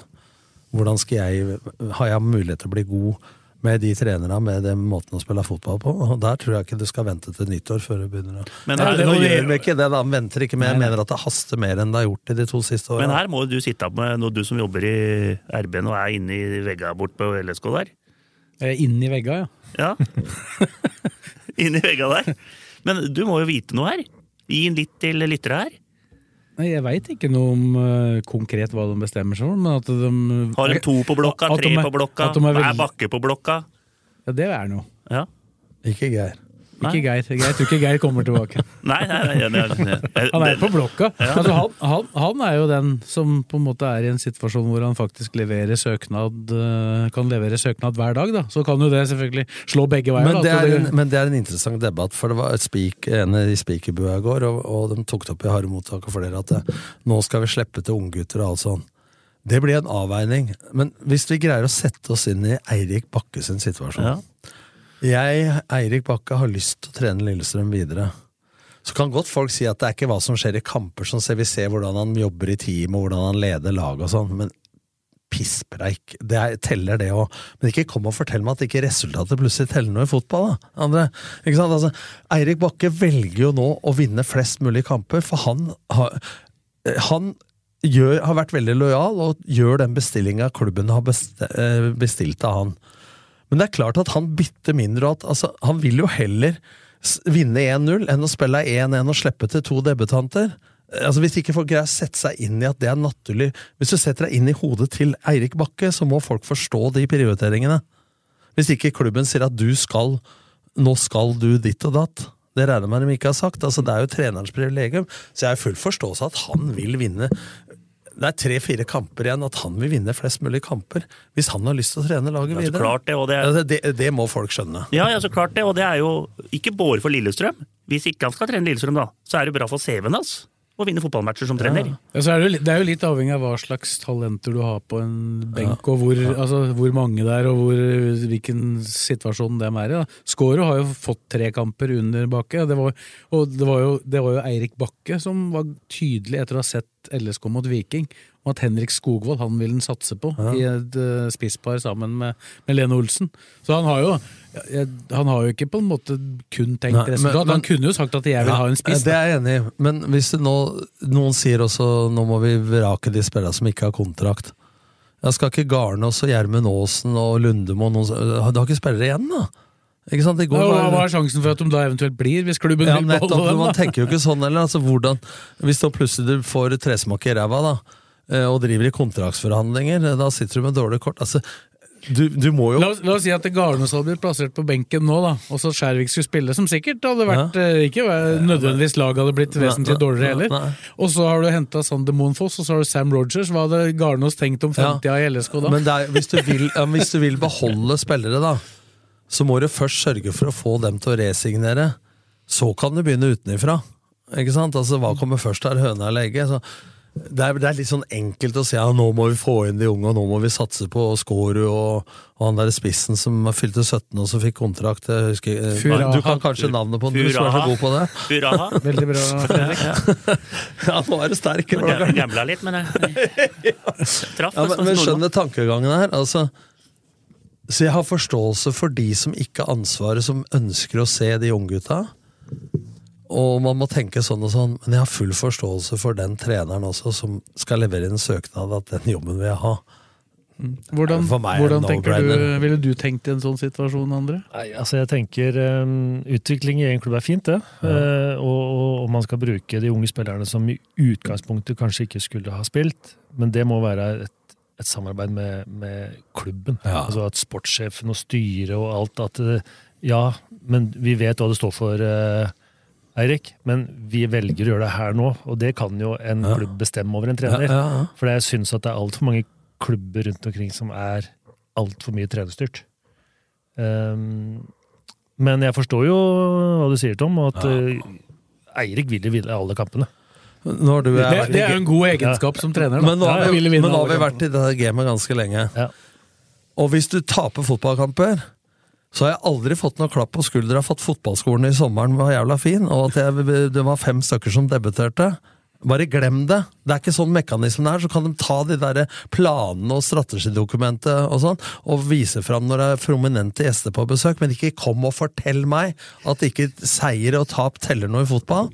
Altså, du kan overbevise mutter'n, fatter'n og tanta på Tveita, men ikke kom her til meg og si at ikke det teller. Da ljuger du.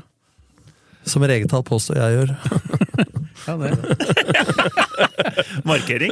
Ja, fin. Det var, Nei, men- det var da en diskusjon på det, som da før het Twitter, og som nå heter X, hvor, eh, hvor, hvor, hvor Tom Nordli og Rekdal er litt uenige om hvem som skulle markert døren. øren. Ja, men jeg ble inn... jeg ble- I nedrykkskampen til Vålerenga. Ja, men jeg blei intervjua, og så viser det meg et intervju med Reka hvor han sier For han spillere greier jo ikke å markere. Han kaster sine egne Ja, det sa han i 2000, ja. Etter ja, ja, og det viste det meg der. Og så sier jeg, men det er jo litt morsomt, da, sier jeg med litt glimt i øyet, at det var du, Kjetil, som skulle markert.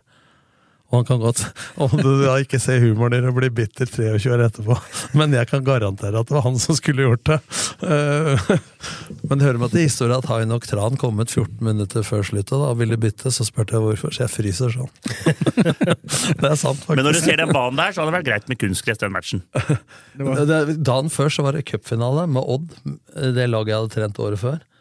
Og da var fint vær og banen var bra. Og i den der kvalikkampen på en mandag da, dagen etter cupfinalen, så var det snø, regn, hagl, sol. Det var fire årstider. Den banen ser jo ikke ut. Og det ble nedrykk for Vålerenga. Det det, ikke det det kan det faktisk bli nå. Og den som var med deg og rykke ned, han kan jo bli historisk. Geir Bakke. For han kan rykke ned med Vålerenga to ganger, han. Ja, han var assistent eh, den gangen. Han kan kanskje ikke gi inn hovedansvaret da, den gangen, men han var med. Jo, men han hadde skylda. Må ikke serve så høyt. nå, må Nordli slutte opp. Altså. Du har gjort noe gærent du, Nordli. Ja, ja, jeg gikk, jeg, jeg, jeg, gikk på jeg gikk på rødt en gang. Rødt lys. Så visste jeg at det var noe feil med lyskrysset. Nei, ja, jeg tar ansvaret for den. Men det er, men det er jo mange det er jo, virker som det er mange LSK-supportere som er per øyeblikk mer opptatt av hva som skjer med Vålerenga og de laga rundt dem, enn ja. Jeg må jo si, en laget sjøl. ja, jeg må jo si det at den skadefriden Jeg mener jo at Vil vi gå glipp av de to derbyene i året? Det vil jo egentlig ingen av de som eh, vil ha dem ned, heller. Det er også en annen ting at nå med folk, at Lillestrøm skal legge altså Folk prater og truer, og dem spiller uavgjort og taper med vilje. Lillestrøm kommer til å gå ut i 100 for å vinne den fotballmatchen der. Det er ikke noe, dette her, jeg, jeg har spilt og gambla og alt. At jeg tror sånne matcher Særlig skal gambla. Ja, men jeg tror sånne matcher skal ende sånn og ditt og datt. Det skjer aldri. Glem det. LSK kommer til å gå ut på den matchen. Tipper de vinner 4-5-0, jeg. Vent og se. Nå er det, nå Da gjør de det ikke. Ja, men det er ikke sånn det er. Det er det, du, du ser jo det. De, de kommer til å gå ut der og vinne fotballmatchen. Folk kan ikke tro noe annet. men nå hører du med til historien at uh, det, det, det er jo ikke sikkert at det vil være den settingen foran nei. Nei, nei, du vet jo Nå sitter jo vi her på mandag ettermiddag, skal jo spilles en relativt viktig kamp i den Erikstryden i kveld, og Ja. Sandefjord eh, Sandefjord kan jo være nede eh, før det skjer, og tar- Vålerenga kan jo være nede. Det er jo en litt vesentlig kamp til helga for Vålerengas del, mot Stabæk. Men Sandefjord har jo hatt en tendens til å spille veldig bra mot de gode laga, men taper stort sett 3-2, 4-3 osv. Og så de får ros for at de har sitt eget spill, men de har vel nest mest baklengsmål, så vidt jeg vet. Jeg syns jo det er noe fascinerende over det, men jeg sjekka jo på, på statistikken der du har eh, rødt for tap, gult for uavgjort og grønt for seier. Det var veldig lite grønt på den siste Ja, 10-12 der. Dette blir som diskusjonen diskusjon i Gamledalen, hvor Roar Johansen, som var i Ullsida, trente Sarpsborg, som er i markedsavdelingen, og spilte Tikki Taka og risikofotball, og så trente Harald Aabrek Sogndal. Og så sier Roar Johansen vi rykker heller ned med stil. Det er ingen som, Alle driter i den stilen du rykker ned med. altså Hvis du rykker ned, så rykker du ned. Og Harald Aabrek kjørte opp 5-4-1 og kjelka banen til helvete, men de holdt seg. Altså, Du kan tenke utvikling, André, men hvis det er tre kamper igjen, Selvsagt. så driter du i det, altså. Da er det om å gjøre å klore til seg poeng. Men litt, tilbake til uh, dette med bruk av unge spillere og sånn. Du var jo med i LSK-systemet i den perioden hvor f.eks. Ruben Gabrielsen og Mattis Bolli og Fredrik Stian Ringstad og Fredrik Gulbrandsen, de gutta kom opp der. Da, da blei det jo Det var jo jeg husker, jeg husker det da vi skulle regne gjennomsnittsalder på forsvarsfireren, for da var jo Vidar Riseth eh, i klubben der på, på. Og da var, da var det sånn at hvis Riseth spilte, og ikke Nordtveit eller ikke Ruben, så var det sånn at gjennomsnittsalderen på forsvarsfireren gikk opp og ned med fem år. Det er. For det var en på 16, en på 17, en på 18 i fireren, pluss Kippe eller Riseth, eller begge. Det var en del eh, unge, unge Ja, Fredrik Gulbrandsen var der, Ruben Gabrielsen Um, Kristoffer Fredrik, Fredrik var jo da allerede Kristoffer Tokstad, ja. Mm. Tokstad var jo der. Kristoffer Tokstad. Og så var jo Nordtveit, som var på lån, var jo også ung. Ringstad. Ja, Stian Ringstad. Um, så når Henning, eller Henning tok over, jeg var med første året på A-laget der, um, så var det en stor utskifting da, med unge spillere som kom. Um, og for egen utvikling så valgte jeg å ta juniorlaget året etter, da, og de to åra der, for å utvikle meg sjøl som trener.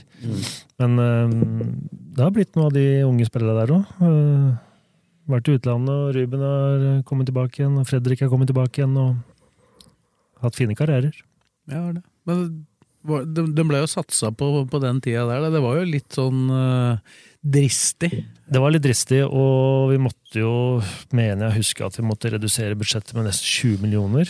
For det var også da litt eh, krise på økonomien. Eh, Og da, klart, det er jo Det var jo da Per Berg på en måte trakk seg ut. Og da kan Ikke sant? trenere si om mye de vil at eh, jeg velger å satse på de unge. Og her er min poeng. Fagermo som har fått så ros for at han satsa på de unge i Odd. Hadde det eldste laget i Norge, Godset. Du var der? mm, 2007. Gikk til Odd. Telemarksmodellen osv. Den prater så mye om Telemarksmodellen at jeg trodde Bentley bodde i Bø. Men poenget er at da ble de tvinga til det. Og det er jo som du sier, André, også, at ja, du ønsker det, men du blir også tvinga til det når du skal ha 20 millioner mindre i budsjett. Altså Folk må se hvor er du i hierarkiet. Det er jo mye lettere å satse på unge spørrere, én når økonomien er dårlig. To, når du verken kjemper om medaljer eller nedrykk, og du ligger midt i haugen, så er det mye lettere og mindre risiko å slippe til de unge. Altså Dette har også noe med resultater og økonomi å gjøre. Det var, det var jo forresten eh, Tom og Jan Åge Fjørtoft som hadde brukt opp alle penga. Stemmer I åra før. Skal jeg få skylda for det? Ja, men det gikk, det gikk noen kroners ut av vinduet der, da. Ja, for det var jeg som henta alle de Risete og kompani. Det henta- Det noen hver. Ja. Det var nok spillere, men mm. sånn ble nå det. Men jeg minst å huske at vi vant cupen òg. Ja. Stemmer det. Jo, det var jo også ført før. Har det blitt nevnt her? Ja, det har Ja, det har det. vært innom det. Ja, men det vært nevnt litt sjeldnere enn at Blaker har vunnet på Bruvoll. Ja, litt sjeldnere. Men, men altså, for å være seriøs, da, det er, du er enig i det, André, at det har jo noe med det å gjøre. Altså, det, du, du kan godt si at du har en filosofi, men den filosofien den byttes jo litt ut i forhold til hvor er du i hvilken klubb, altså i hvilket hierarki.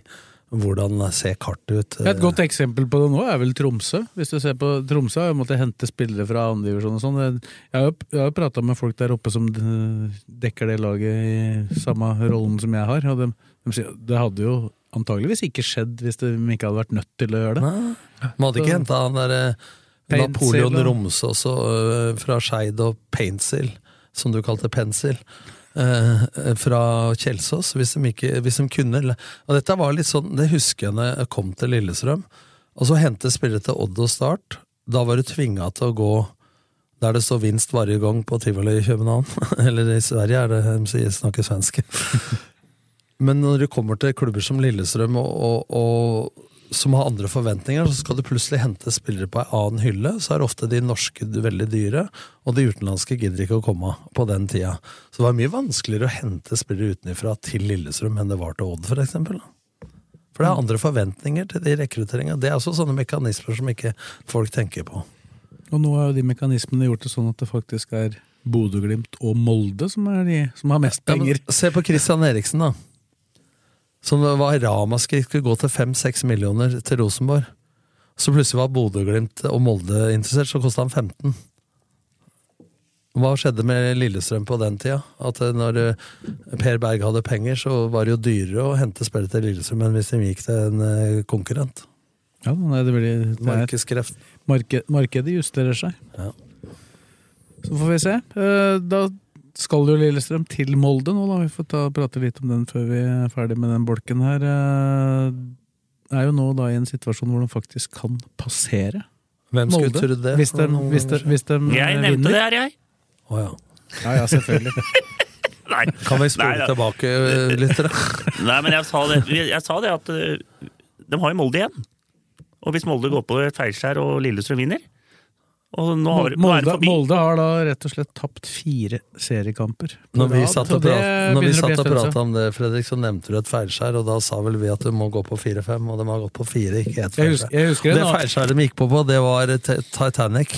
Jeg husker en annen ting du sa, at det var helt umulig for Bodø-Glimt å ta igjen var det 18 poeng på Nei, fjor- var det ikke 14 med, med fjor, 18, 18 på, Men, men, men så, det var da jeg prøvde å fortelle at de starter på ja, ja, ja, ja, ja, men vant med 18 i fjor. Ja, gjorde det.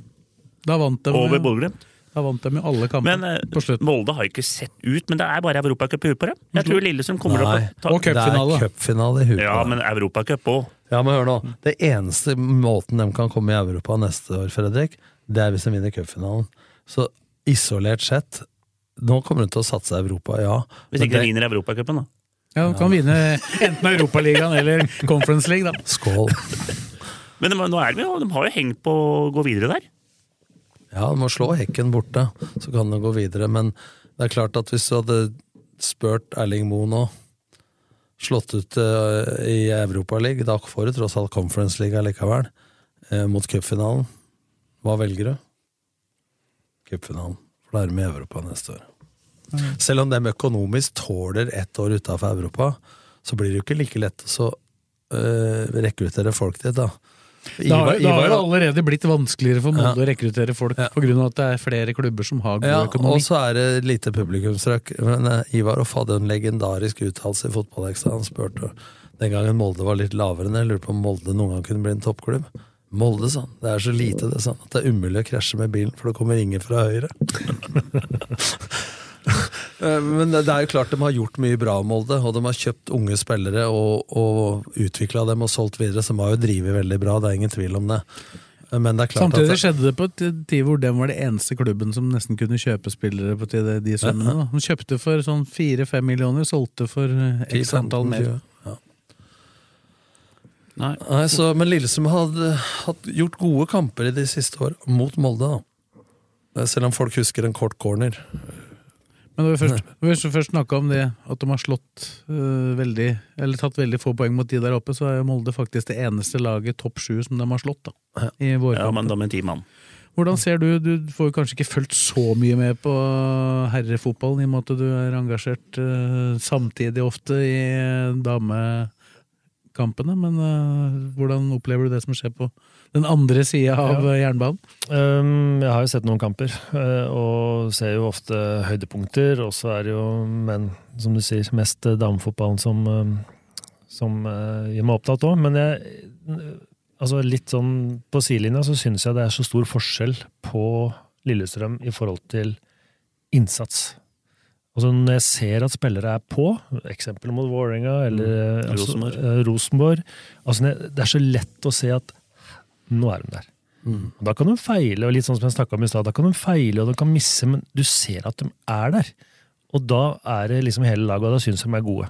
Og da jubler de for å blokkere et skudd òg. Riktig. ikke sant? Ja, sånn som du prata med de jentene Ja, dine. og det, og det syns jeg at det er, det er tydelig å se forskjell på når de da taper, eller at de spiller uavgjort, eller ikke gjør en bra kamp. Så føler jeg at da er de ikke der. Det er liksom omstillinga, og det er gutsy dueller, og komme ut av dueller flere ganger enn motstanderen. Da. Eh, Så har du også stor sjanse for å ta over kampen, og det syns jeg har variert veldig i, i år. Um, og så er det en kamp som kommer nå mot Molde, som, så vinner de der, så er de forbi Molde. Eh, Det må være motivasjon for både lag og klubb. Eh, Det må være motiverende for Eirik, som du sier. Han vil jo vinne hver eneste kamp, for han vil jo antageligvis ha en søknad inne for forlengelse eller ny kontrakt Ja, i du slår Lillestrøm. Molde, så er vel Molde etter nå, da. Ja, ikke sant? Og så er, er det vel eh, ganske store forskjeller på premiepenger i forhold Ja, det er ikke til så, det er ikke Er så ikke det? voldsomt, 500 faktisk. 000 Er det forskjell? fant vi ut i går. Forskjell? For største Ja. forskjellen er fra Tre, tredje mellom tredje og fjerde. Det har med e-cup Da er det, da er det fem Riktig. millioner plutselig i forskjellen. forskjell. Riktig. 12 til 7 fra tredje til fjerde. Ja, det er det, og så har du jo Altså er det ikke den som folk prater om, da, det er Sandefjord-matchen, at det er en for å få ned Vålerenga. Det er det ikke. Så, Men det er mye motivasjon. Fortsatt. men jeg må si, jeg så ikke nå forrige kamp, men ikke mot Haugesund, men mot eh, forrige var Ross. Bodø-Glimt borte, og så hjemmekamp var det mot Vålerenga. Vålerenga. Eh, Da syns jeg Ruben Gabrielsen var outstanding god. Jeg Da var, støt- jeg, var ikke, jeg var ikke enig i det sjøl. Da, synes da støtter du meg, da, for jeg, jeg sa at jeg har lagt lista mye høyere for Ruben. Ja. Mot, det er greit at han gjør noe pasningsfeil, men det jeg målte ned akkurat det du sier, det var på tilstedeværelse. Akkurat. Altså Han der off-keer kunne ha spilt eh, annen juledag. Enda, enda. Han, han vant alle dueller, han løp akkurat så fort han måtte, var steget foran. Og det er det, akkurat det du sier nå, André, støtter jeg helt ut. Det går på tenninga. Mm. Hadde han vært så tent hver eneste kamp, så kan han prate med meg når du prøvde rosen i går. Han er vært Han var, jo, han var jo litt det samme i går. Ja, men han Og han var jo egentlig det i Bodø, bortsett fra den eh, Ja. konsentrasjonsfeilen på det innkastet. Ja, men altså, hadde han vært så altså, Jeg hadde jo valgt han sju av sju dager i uka foran Stefan Strandberg hvis han hadde vært så skjerpa hver eneste gang. Han har jo hele pakketet. Ja. Og jeg er helt enig. altså, du kan se den tenninga, hvorfor er det sånn? Og det er der Jeg tenker sånn, jeg veit ikke hvordan du tenker, André, men nå skal du inn i, i to viktige kamper. Eh, Rosenborg og Br- eh, Brann. Da ligger tenninga der automatisk.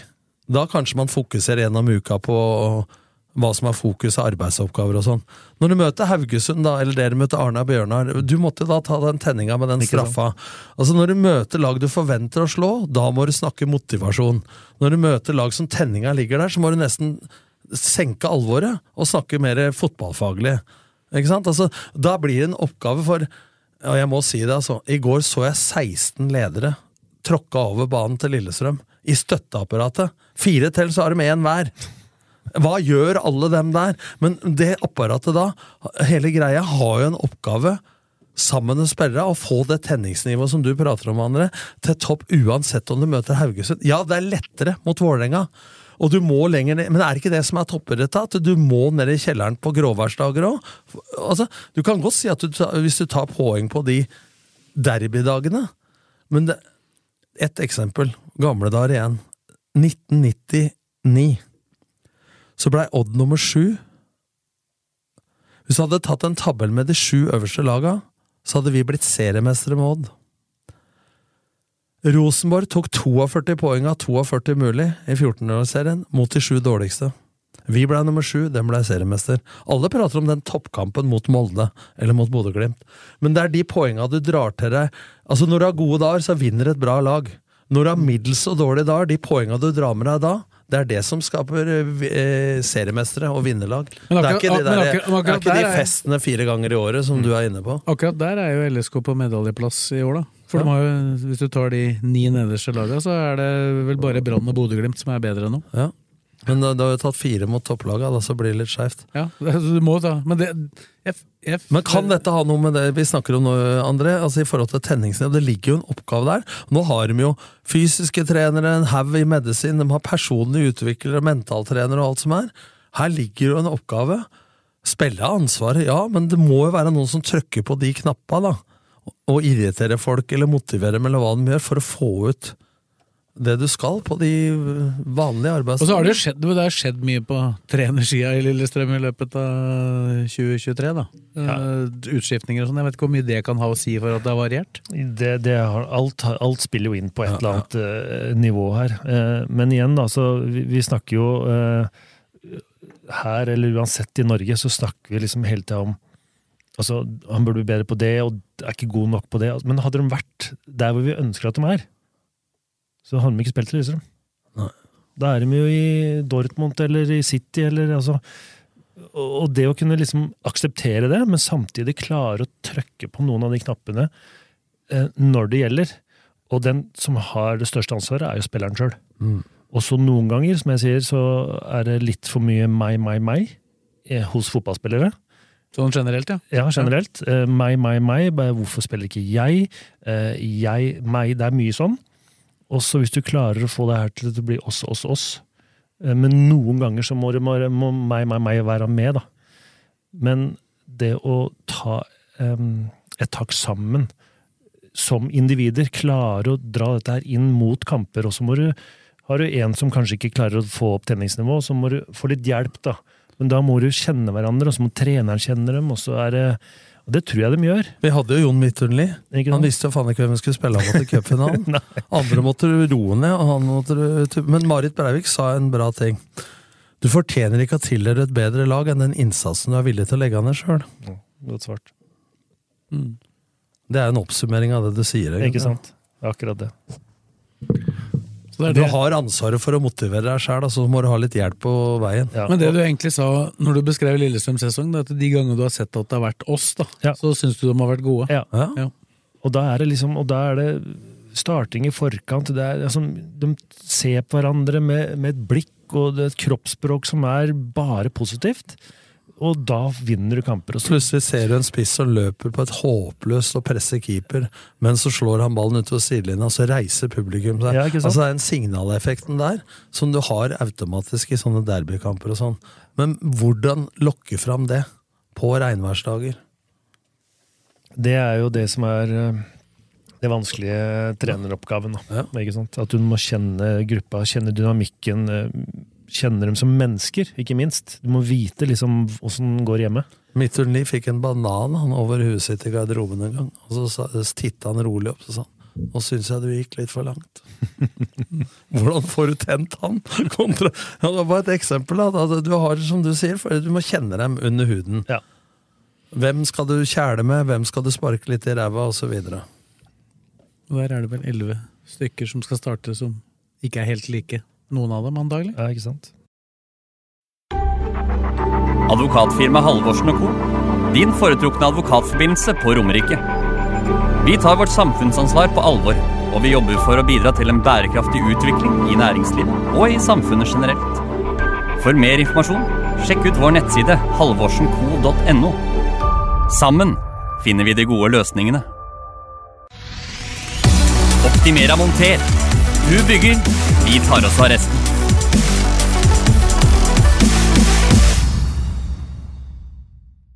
Sendingen presenteres av Rosenberg. Slaktebutikk siden 1931.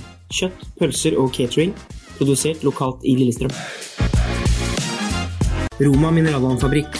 Den lille brusfabrikken i hjertet av Romerike.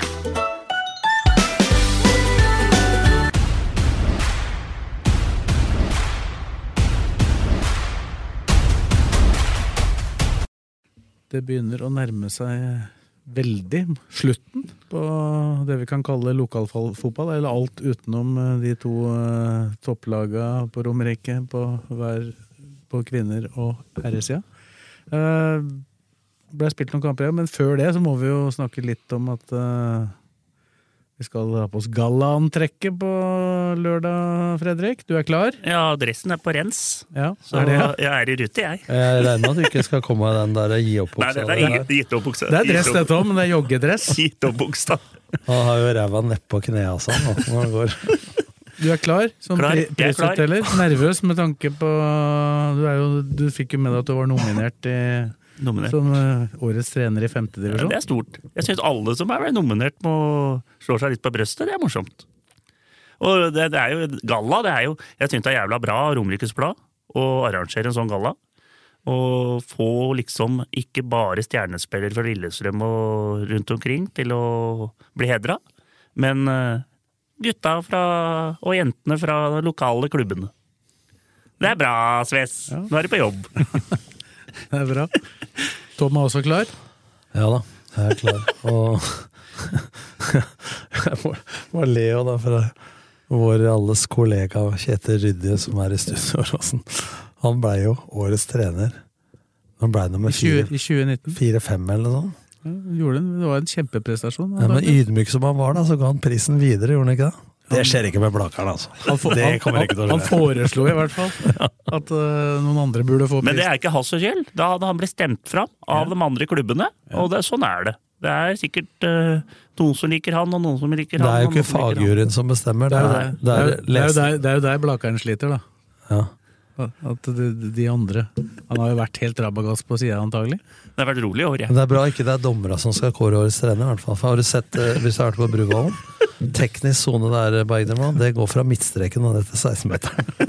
Den er svær. Det er Norges største. Malt opp sjøl. Ja, det det, Og kinosetet fra Blake kino! Sånn. Nei, ikke fra Blakerne. Nei, fra Ull- Ullensaker. Ullensaker Eller. Ullkisa, som han kalte det. Ullkisa, Ullkisa kino, sånn.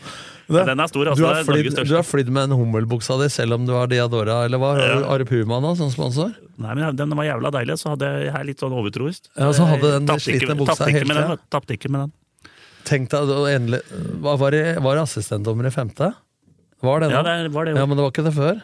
Nå rykka opp i fjerde, vet du, så de krangla om å unngå å gå på den sida som benken til Blakke var. Nei det er ikke Jo, så gærent. faen, Jeg har stått bak den Har du noen sånne overtroiske greier uh, i forbindelse med enten du var spiller eller uh, trener? Eh, altså spiller, faktisk, hadde jeg én ting. Jeg har alltid høyre sko først. Du satte den på deg først? Ja, alltid. Det er det eneste. Det var, det var mulig å få til, da. Ja da, det gjorde jeg hver gang. Men. Men det skjedde sikkert at jeg huska det før en kamp som jeg spilte bra på, Ja, ja. på Åråsen, Ja, ja. så da blei det jo sånn, da. Ja, det blir sånn. Um, men vi er litt sånn her når vi er ute på så Når jeg har med Ole Petter, da, som er analysemann og, og, og rekrutt hovedtrener Han la ut um, Vi kaller det noen passingsøvelse som heter Krydder, som vi har før hver kamp. Den har han lagt ut, og så tapte vi. Så han Det skjer ikke igjen. Nei, så den, den, den er min, og så er eh, Stian tar det, og Isabel tar det. Og så vi har, eh, er litt over Men sånn. Blaka, Blakeren er et helt alfabet av ritualer. Altså. Han, han er jo forresten litt uheldig, for han er den eneste treneren i andredivisjon. Så det blir liksom litt, uh, litt merkelig å ha en årets trener. Han er jo på en måte årets trener, men det er, ingen, det er, ingen, det er uten konkurranse. Ikke sant? Ja, det er, det er tungt. Da, da hent, Men årets, årets spiller skal vi få kåra i, Ja. I, på LSK Kvinners andre lag. Men nå har jo Blaker meldt på alle sine. Med Nei. Er, er Joar Hofsa koner, forlovede eller annen Dem prospekt? som er, dem som er eh, nominert, eh, kommer på ballene. Og det mener jeg alle som er nominert, må komme. Og mange fra laga og hele pakka. Det er bare kom av dit. Det koster 50 kroner, det er for alle folk. Ja, ja. Det er bare å melde seg på. Det er god plass i salen. Ja. Men det første året husker jeg var jo bøtter av folk på Scandic. Eh, Og jeg, jeg regner med altså Leirsund, som ga meg trenertilbud, da, av Blakkaren. Og han sang det der La, la, la, la, la, la, la, la, Leirsund. Så den kommer Blakkaren til å ta på gallaen, og da blir det mer folk. Jeg fikk, eh, Ja, den skal jeg synge hvis det er når, jeg, når jeg fikk uh, The Votes from Leirsund Jury, så sto det at neste år så regner jeg med at Tom Nordli kom til å være nominert. Jeg svørte meg, ut, og så sier jeg i podden at jeg blir heller prest i Sk- Skåre menighet. Så får jeg tekstmelding av du kan gjøre det i tillegg. Men jeg- jeg- jeg- Bare du kommer og trener oss to ta, ganger i uka uka. Jeg, har et, jeg har en på ryktebørsen. Det er en som har sett en sånn uh, lik bil som Nordli borti skauen her. På møte på Leirsund grendehus. Det er faktisk en, noen flere enn meg som Jeg hadde Jaguar, da kunne du tatt meg. Men nå har jeg en Volkswagen ID5, og det har jeg sett et par andre av på veien. Noen. Du, har- du har sett, uh, sett Ja, jeg har hørt rykter i hvert fall at det hadde vært møte der borte. Er dette noe du kan bekrefte, Tom? Jeg kan avkrefte med en gang. Rørehue. Men vi kan jo bare ta, har jeg har jo to rykter med en gang, når vi først var på det. Ja. nå er, nomineringene er jo ute, da, for de Ja. som ikke har fått med seg det. Så det er bare å gå inn på rb.no, så finner du de. Og så er det som Blakkaren sier, bare å melde seg. Så er det åpne dører på Lillestrøm kultursenter fra 18.30. Og sendinga skal vel da, og utdelingen starter da klokka 19.00. Den vil også bli sendt på rb.no, da, for de som ikke Ja. Det er om å gjøre ikke være skeive skøytene. Det det går på TV, Og så skal det kåres årets mål. Uh, der har vi jo kåra månedens mål gjennom hele, hele sesongen, og der skal det kåres et årets mål. Uh, og det kommer til å skje mens, uh, mens gallaen pågår. Der er jo en av dine, en av dine For vi har jo ikke så mange Vi sender jo ikke så mange eh, kamper på kvinnesida, men vi sendte jo den eh, Var det kvartfinale mot Stabæk i Jenter eh, 19? Mm. Og da skåra jo Thea Kyvåg et mål oppi i krysset der. Det er det jeg er med. Jeg skjønner jo hvorfor andre, folk fra andre idrettsgrener blir misunnelige og litt gærne på ermet. For det er jo ikke tvil om at det å sette lokalfotballen for litt blomster da, på kartet Og det er like alvorlig for dem som spiller i fjerde. Og du ser han nå er mer nervøs enn Fagermo. Og han måtte ha egen psykolog i de 20 minutta før kampen. Så det betyr jo noe for folk. Og så blir det jo litt sånn lokaltasjon, men det, det setter jo breddeidretten Det er det som er 80 av idretten vår. Det setter jo det på kartet, så det er bra. Men du, jeg må jo si det at når Henrik Kristiansen, som eh, sønnen min svømte sammen, ble nummer to i VM i svømming, så hadde han to linjer. Men de, de, men de sendte eh, Indre Akershus sendte vel Blaker 2 mot Søndre Hølland 2 eller et eller annet eh, på rb.no. Mens han som ble nummer to i verdensmesterskapet i svømming, fikk, fikk to linjer. Så jeg skjønner jo godt at de selger seg for det, men blomster for at man løfter breddeidretten. For det er jo, det er jo noe med hva folk er interessert i òg, selvsagt. Ja, men så er det det viktigste egentlig er jo det at det møtes. For det er jo mye diskusjoner gjennom en sesong av dommere, spillere, skriking, røde kort, gule kort. Og det der er bare å prate med de folka du har diskutert med og sånne ting. Og alle samles og blir venner. Men husker- og uvenner igjen. Men i, ga- men i gamle dager, Blakkaren eh, Bergdum husker det når Bukken eh, var nattklubb i Strømmen. Så spilte fjerdedivisjon hver fredag klokka sju. Og da var det alle laga fra Romerike. De kjempa om poeng klokka sju til kvart på ni. Og så kjempa de om de samme damene på Booking klokka elleve og utover. Men da var, når, vi, når vi drev med dette, så drev han på nattklubber nede i Amsterdam. Han, Oh, ja. Han spilte på Ajax. Men da var, Han spilte ikke på det var Løvenstad. Det var 200-400 tilskuere på de kampene. Altså Fjellhamar og Lillestrøm Fram og Løvenstad, Skjetten. Alle disse laga var, var jo mot hverandre. Du rakk egentlig ikke å få vært noe sånn i breddefotballen, for du kom inn såpass ung i LSK at det ble eh, egentlig toppfotball tidlig. Men du har Ja. hatt litt breddefotball etterpå? Ja da. eh, Sørum. Sørum fikk jeg Der hadde du hatt årets mål. Ja, det hadde jeg faktisk. senteren rett i kassa. Det var mot uh, Gjerdrum 2. Ja. Sørum eller Frogner? Ja, Sørum. Hvilken Eh, Divisjon var dette? Sjuende. Vi skulle sette publikumsrekord på Sørum stadion. eh, I Lørenfallet. eh, Og vi skulle spille da Vi spilte første seriekamp borte, og så meldte jeg overgang fra Da var jeg jo registrert i, i Lillestrøm, og så spiller jeg med Knut Aga. Um, Gunnar Nordbø fra Ja, Og så Lærer han på norsk og videregående. Ja, ja. Stesønnen min, eh, Botnik, var trener. Ja, Botnik var trener. Han Ja, styrer. Tommy? Tommy Tommy, ja. Og så, og så sp- lagde vi den festen. Det kom 750 tilskuere. Eh, ny rekord. Kult, kult. Og så står jeg sammen med Knut Aga og skal ta avspark, og så står det en eh, Jeg husker ikke hva han heter. En potetsekk i mål. ja, nei da, han, eh, men så står han sentral midtbanespiller og så sier han, Du, eh, Bergdølmo, du som har spilt på landslaget og sånn. Skyt, da. Kan ikke du bare skyte ballen rett i mål, da? Ja, men så sa jeg vil jeg skal gjøre det, sa jeg. Ja, så, og så ja, ja, ja, få se om du klarer det. Og så sa jeg det til Knut Aga at jeg bare dytta ballen til han, og så tok jeg ett steg. Og så ble det jo goal, da. Det gikk, gikk i mål. Det er comeback. Tre, tre sekunder. Ikke filma, selvfølgelig. Men du har fått det med deg, Blakkaren.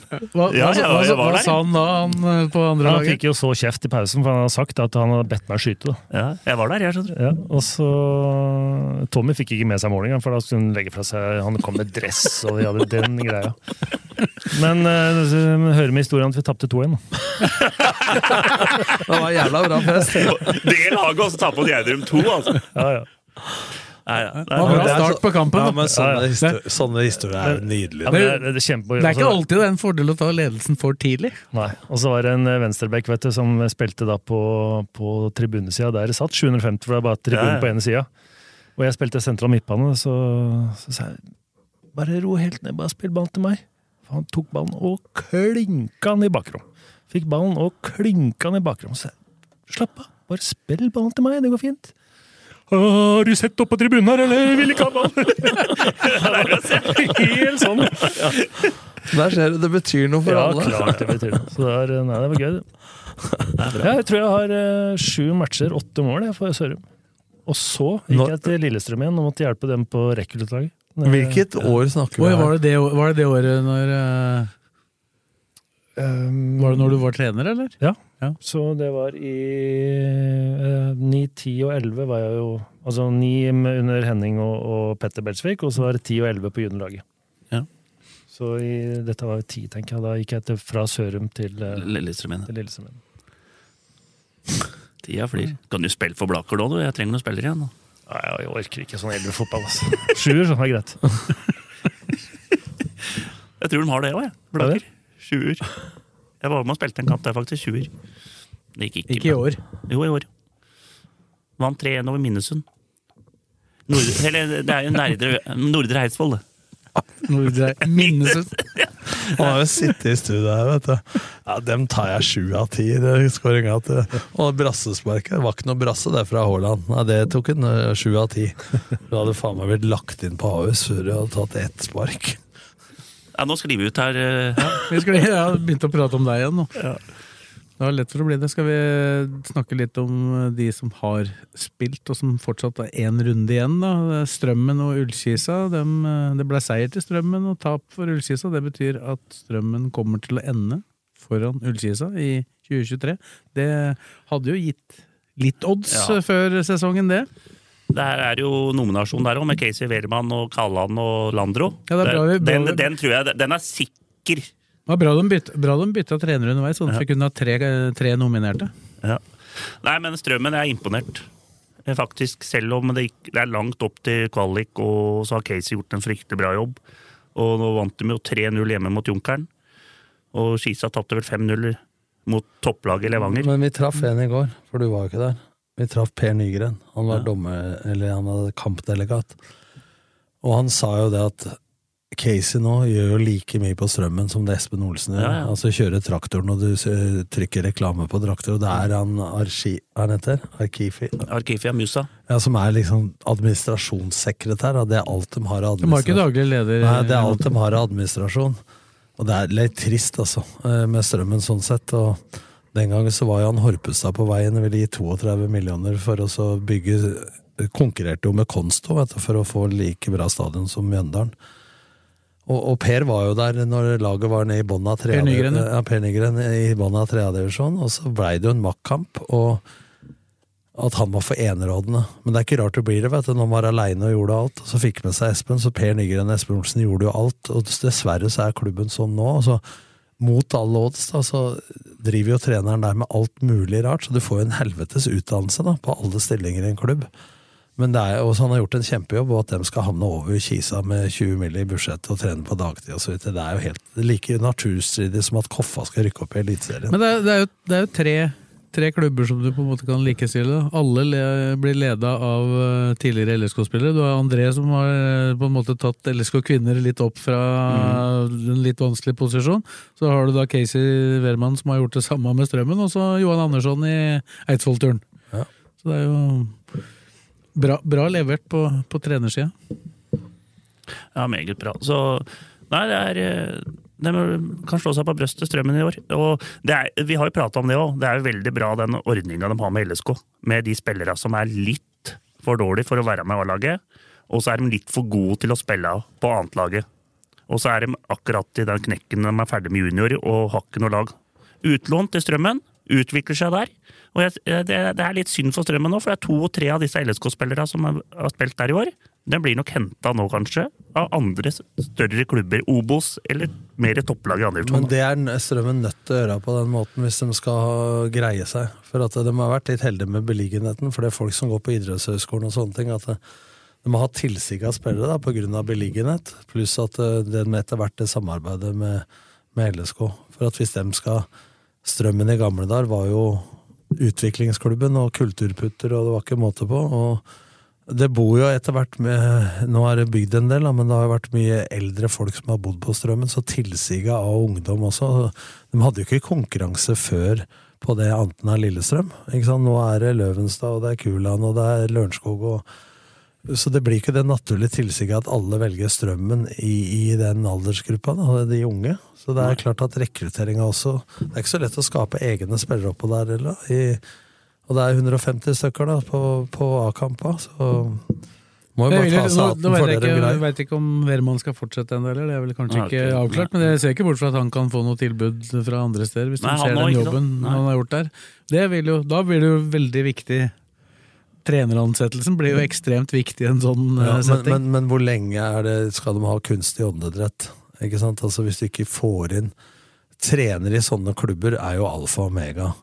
Men det å bytte ut case med en annen da, som skal slite seg ut på samme måten, Espen Olsen osv. Du er jo nødt til å få til en eller annen bærekraftig økonomi og en administrasjon hvis det skal ha noe håp om å være Obos-klubb eller, eller PostNord. Og det var jo mange i år som trodde at de skulle rykke rett ned i trea. Så det er jo en kjempeprestasjon, men men det er klart at du sliter deg ut. Altså, jeg har vært med på det sjøl og slått av banen, men Toyotaen min rusta opp og på Sandbekken der. Altså, du, du driver jo med alt mulig i sånne klubber. Og Kjempejobb av Casey, men det er jo ikke bærekraftig over tid hvis det ikke skjer noe. Nei, det er jo det samarbeidet blant annet med LSK, da, at de kan få en del eh, som kan få utvikla seg der, som er eh, viktig. da. Det var med litt uheldige med han Markus Paulsen som fikk jo et, eh, en skade der i juni, så han har jo vært ute siden. Men vi snakker om en Post Nord-klubb, men en spillende administrasjonssekretær av Kifi. Og tenk alle oppgaver som er i en klubb. Vi snakker Post Nord, det er jo snart en del av toppfotballen, dette her. Vi snakker jo, Hvis du ser på Egersund og noen andre lag, da, som, hvordan de satser og så skal du, du blir jo da personavhengig av treneren og en eller annen på kontoret. Og hvis de slutter, da, så må du ha inn noen andre personer. Det er ikke sånn at sånn er det her i Strømmen. Du skal jobbe her fordi at vi, du har den og den rollen på kontoret, du har den og den rollen som materialforvalter, du har den rollen på laget. Det er jo ikke bærekraftig. ha, ha kontroll på alt. Da. Det, er ikke, det er ikke sånn som det var Det var ikke 16, 16 stykker på, på benken. Nei, sånn det er var på 16, det er 16 på tribunen. Så det er, det er blomster. Og Bobo han eh, varer jo ikke evig, han heller. Nei, han gjør ikke det, han heller. Han var faen meg materialforvalter i klubben når jeg var der i 1990 som hjelpetrener for Joar Hoff.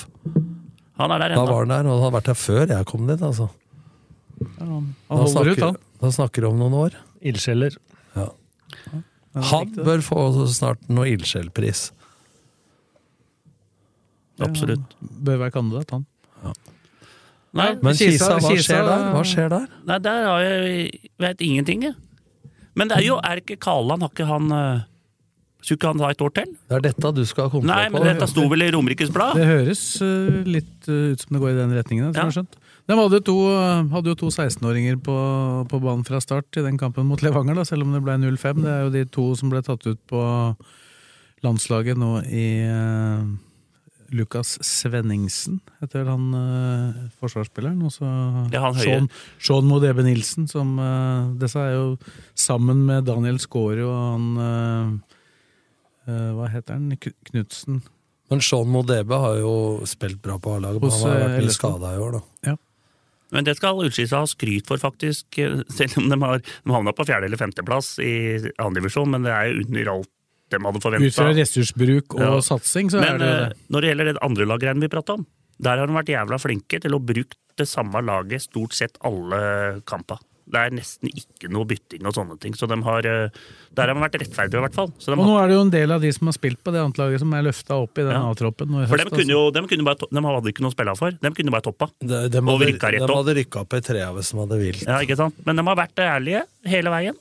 Men, Og- men det er en ting til å Hvis du ser på økonomien i klubben, da, så sitter de oppe på kontoret på Jessheim der og tenker ok, skal vi rykke opp i trea med annetlaget? Uh, oi, vi havna i Vestlands- eller Nord-Norge-avdelingen. Reisebudsjett. Uh, hvor mye forskjell er det på å spille trea eller fjerde for våre yngre spillere? Og de fleste av dem som har spilt i fjerde i år, ja, og det skal være i Post Nord neste år i breddefotballen kanskje 40% av stallen. 30% av stallen. Så er det ganske enkelt å si at eh, vi velger å ikke rykke opp. igjen. Men dem kan jo komme i en sånn situasjon som vi var litt inne med, eh, at de blir tvinga til å slippe til en del av de og Ja. satse på de unge, da. Nå. Ja, men de har jo gjort på de siste kampene nå. De har gjort det. Ja, men de har jo kvitta seg med tre-fire spillere fra Pereira gikk vel, Sundgodt gikk Ja, han spilte jo mot dem nå, da. Ja, og. Sundgodt eh, rykte, han ville jo tilbake til Kisa. Han beste gikk jo til Fredrikstad.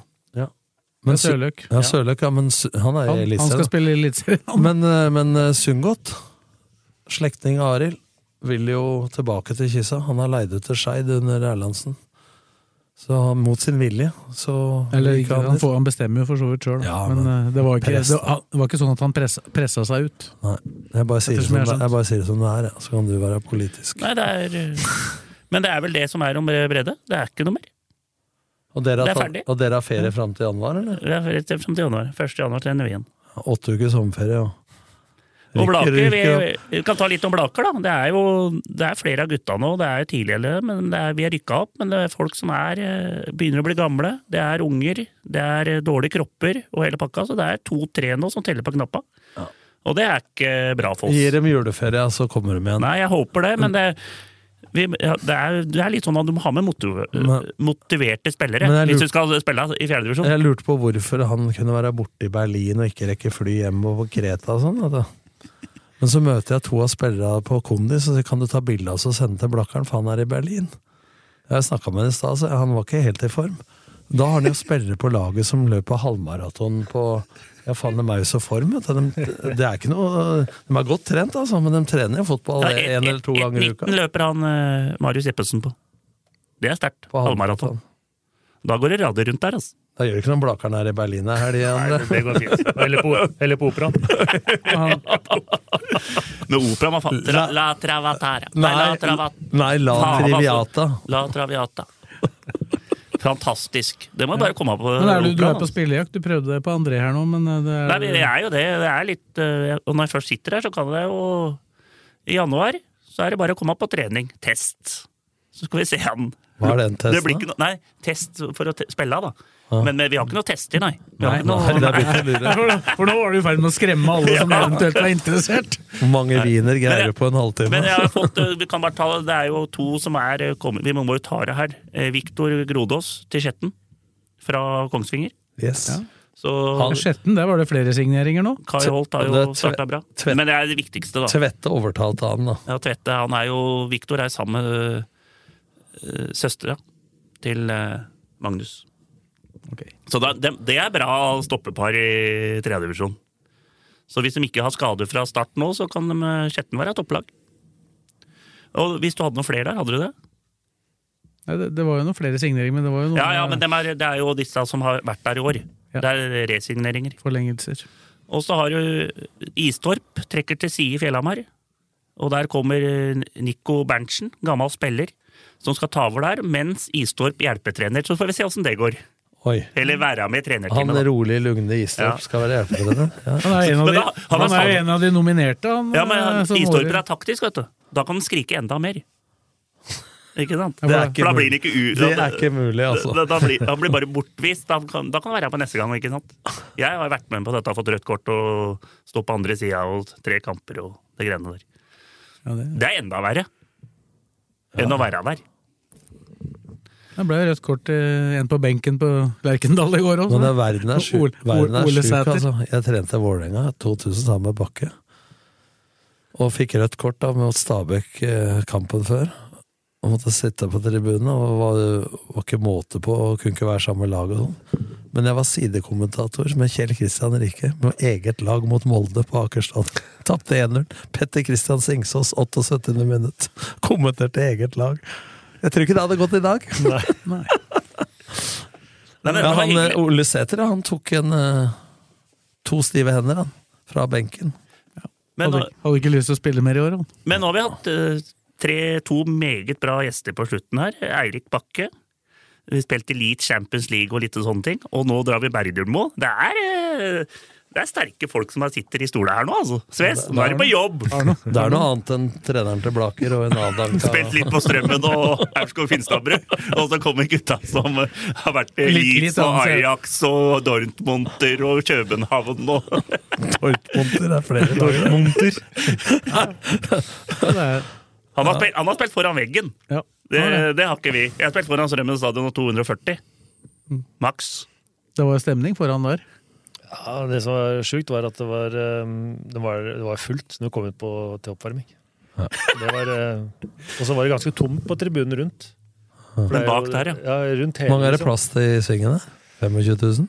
Nei, ikke 30? Eh, Ja, 5-27, tror jeg faktisk, bak. Når Samme som. Ullevål, da. Mm. Hele Ullevål. Men eh, det er ikke ofte man, altså når jeg har opplevd eh, litt 50 000 og litt sånn forskjellige stadioner, så er liksom, det er ikke sånn voldsomt gåsehudfaktor å gå ut på en sånn stadion når du har gjort det en del ganger. Nei. Men første matchen da vi spilte hjemme mot Wolfsburg i Dortmund, det har kommet på ett, altså inn etter oppvarming og så ut, hvor det var 83 500 der, det var litt gåsehud. Ja, fy faen. Men så er journalisten som spurte når eh, Haaland var i Dortmund, da. Så stilte han spørsmålet Det var vel kult å stå foran den gule veggen? Så svarer Haaland ja. Så får han kjeft at han svarer kort, da.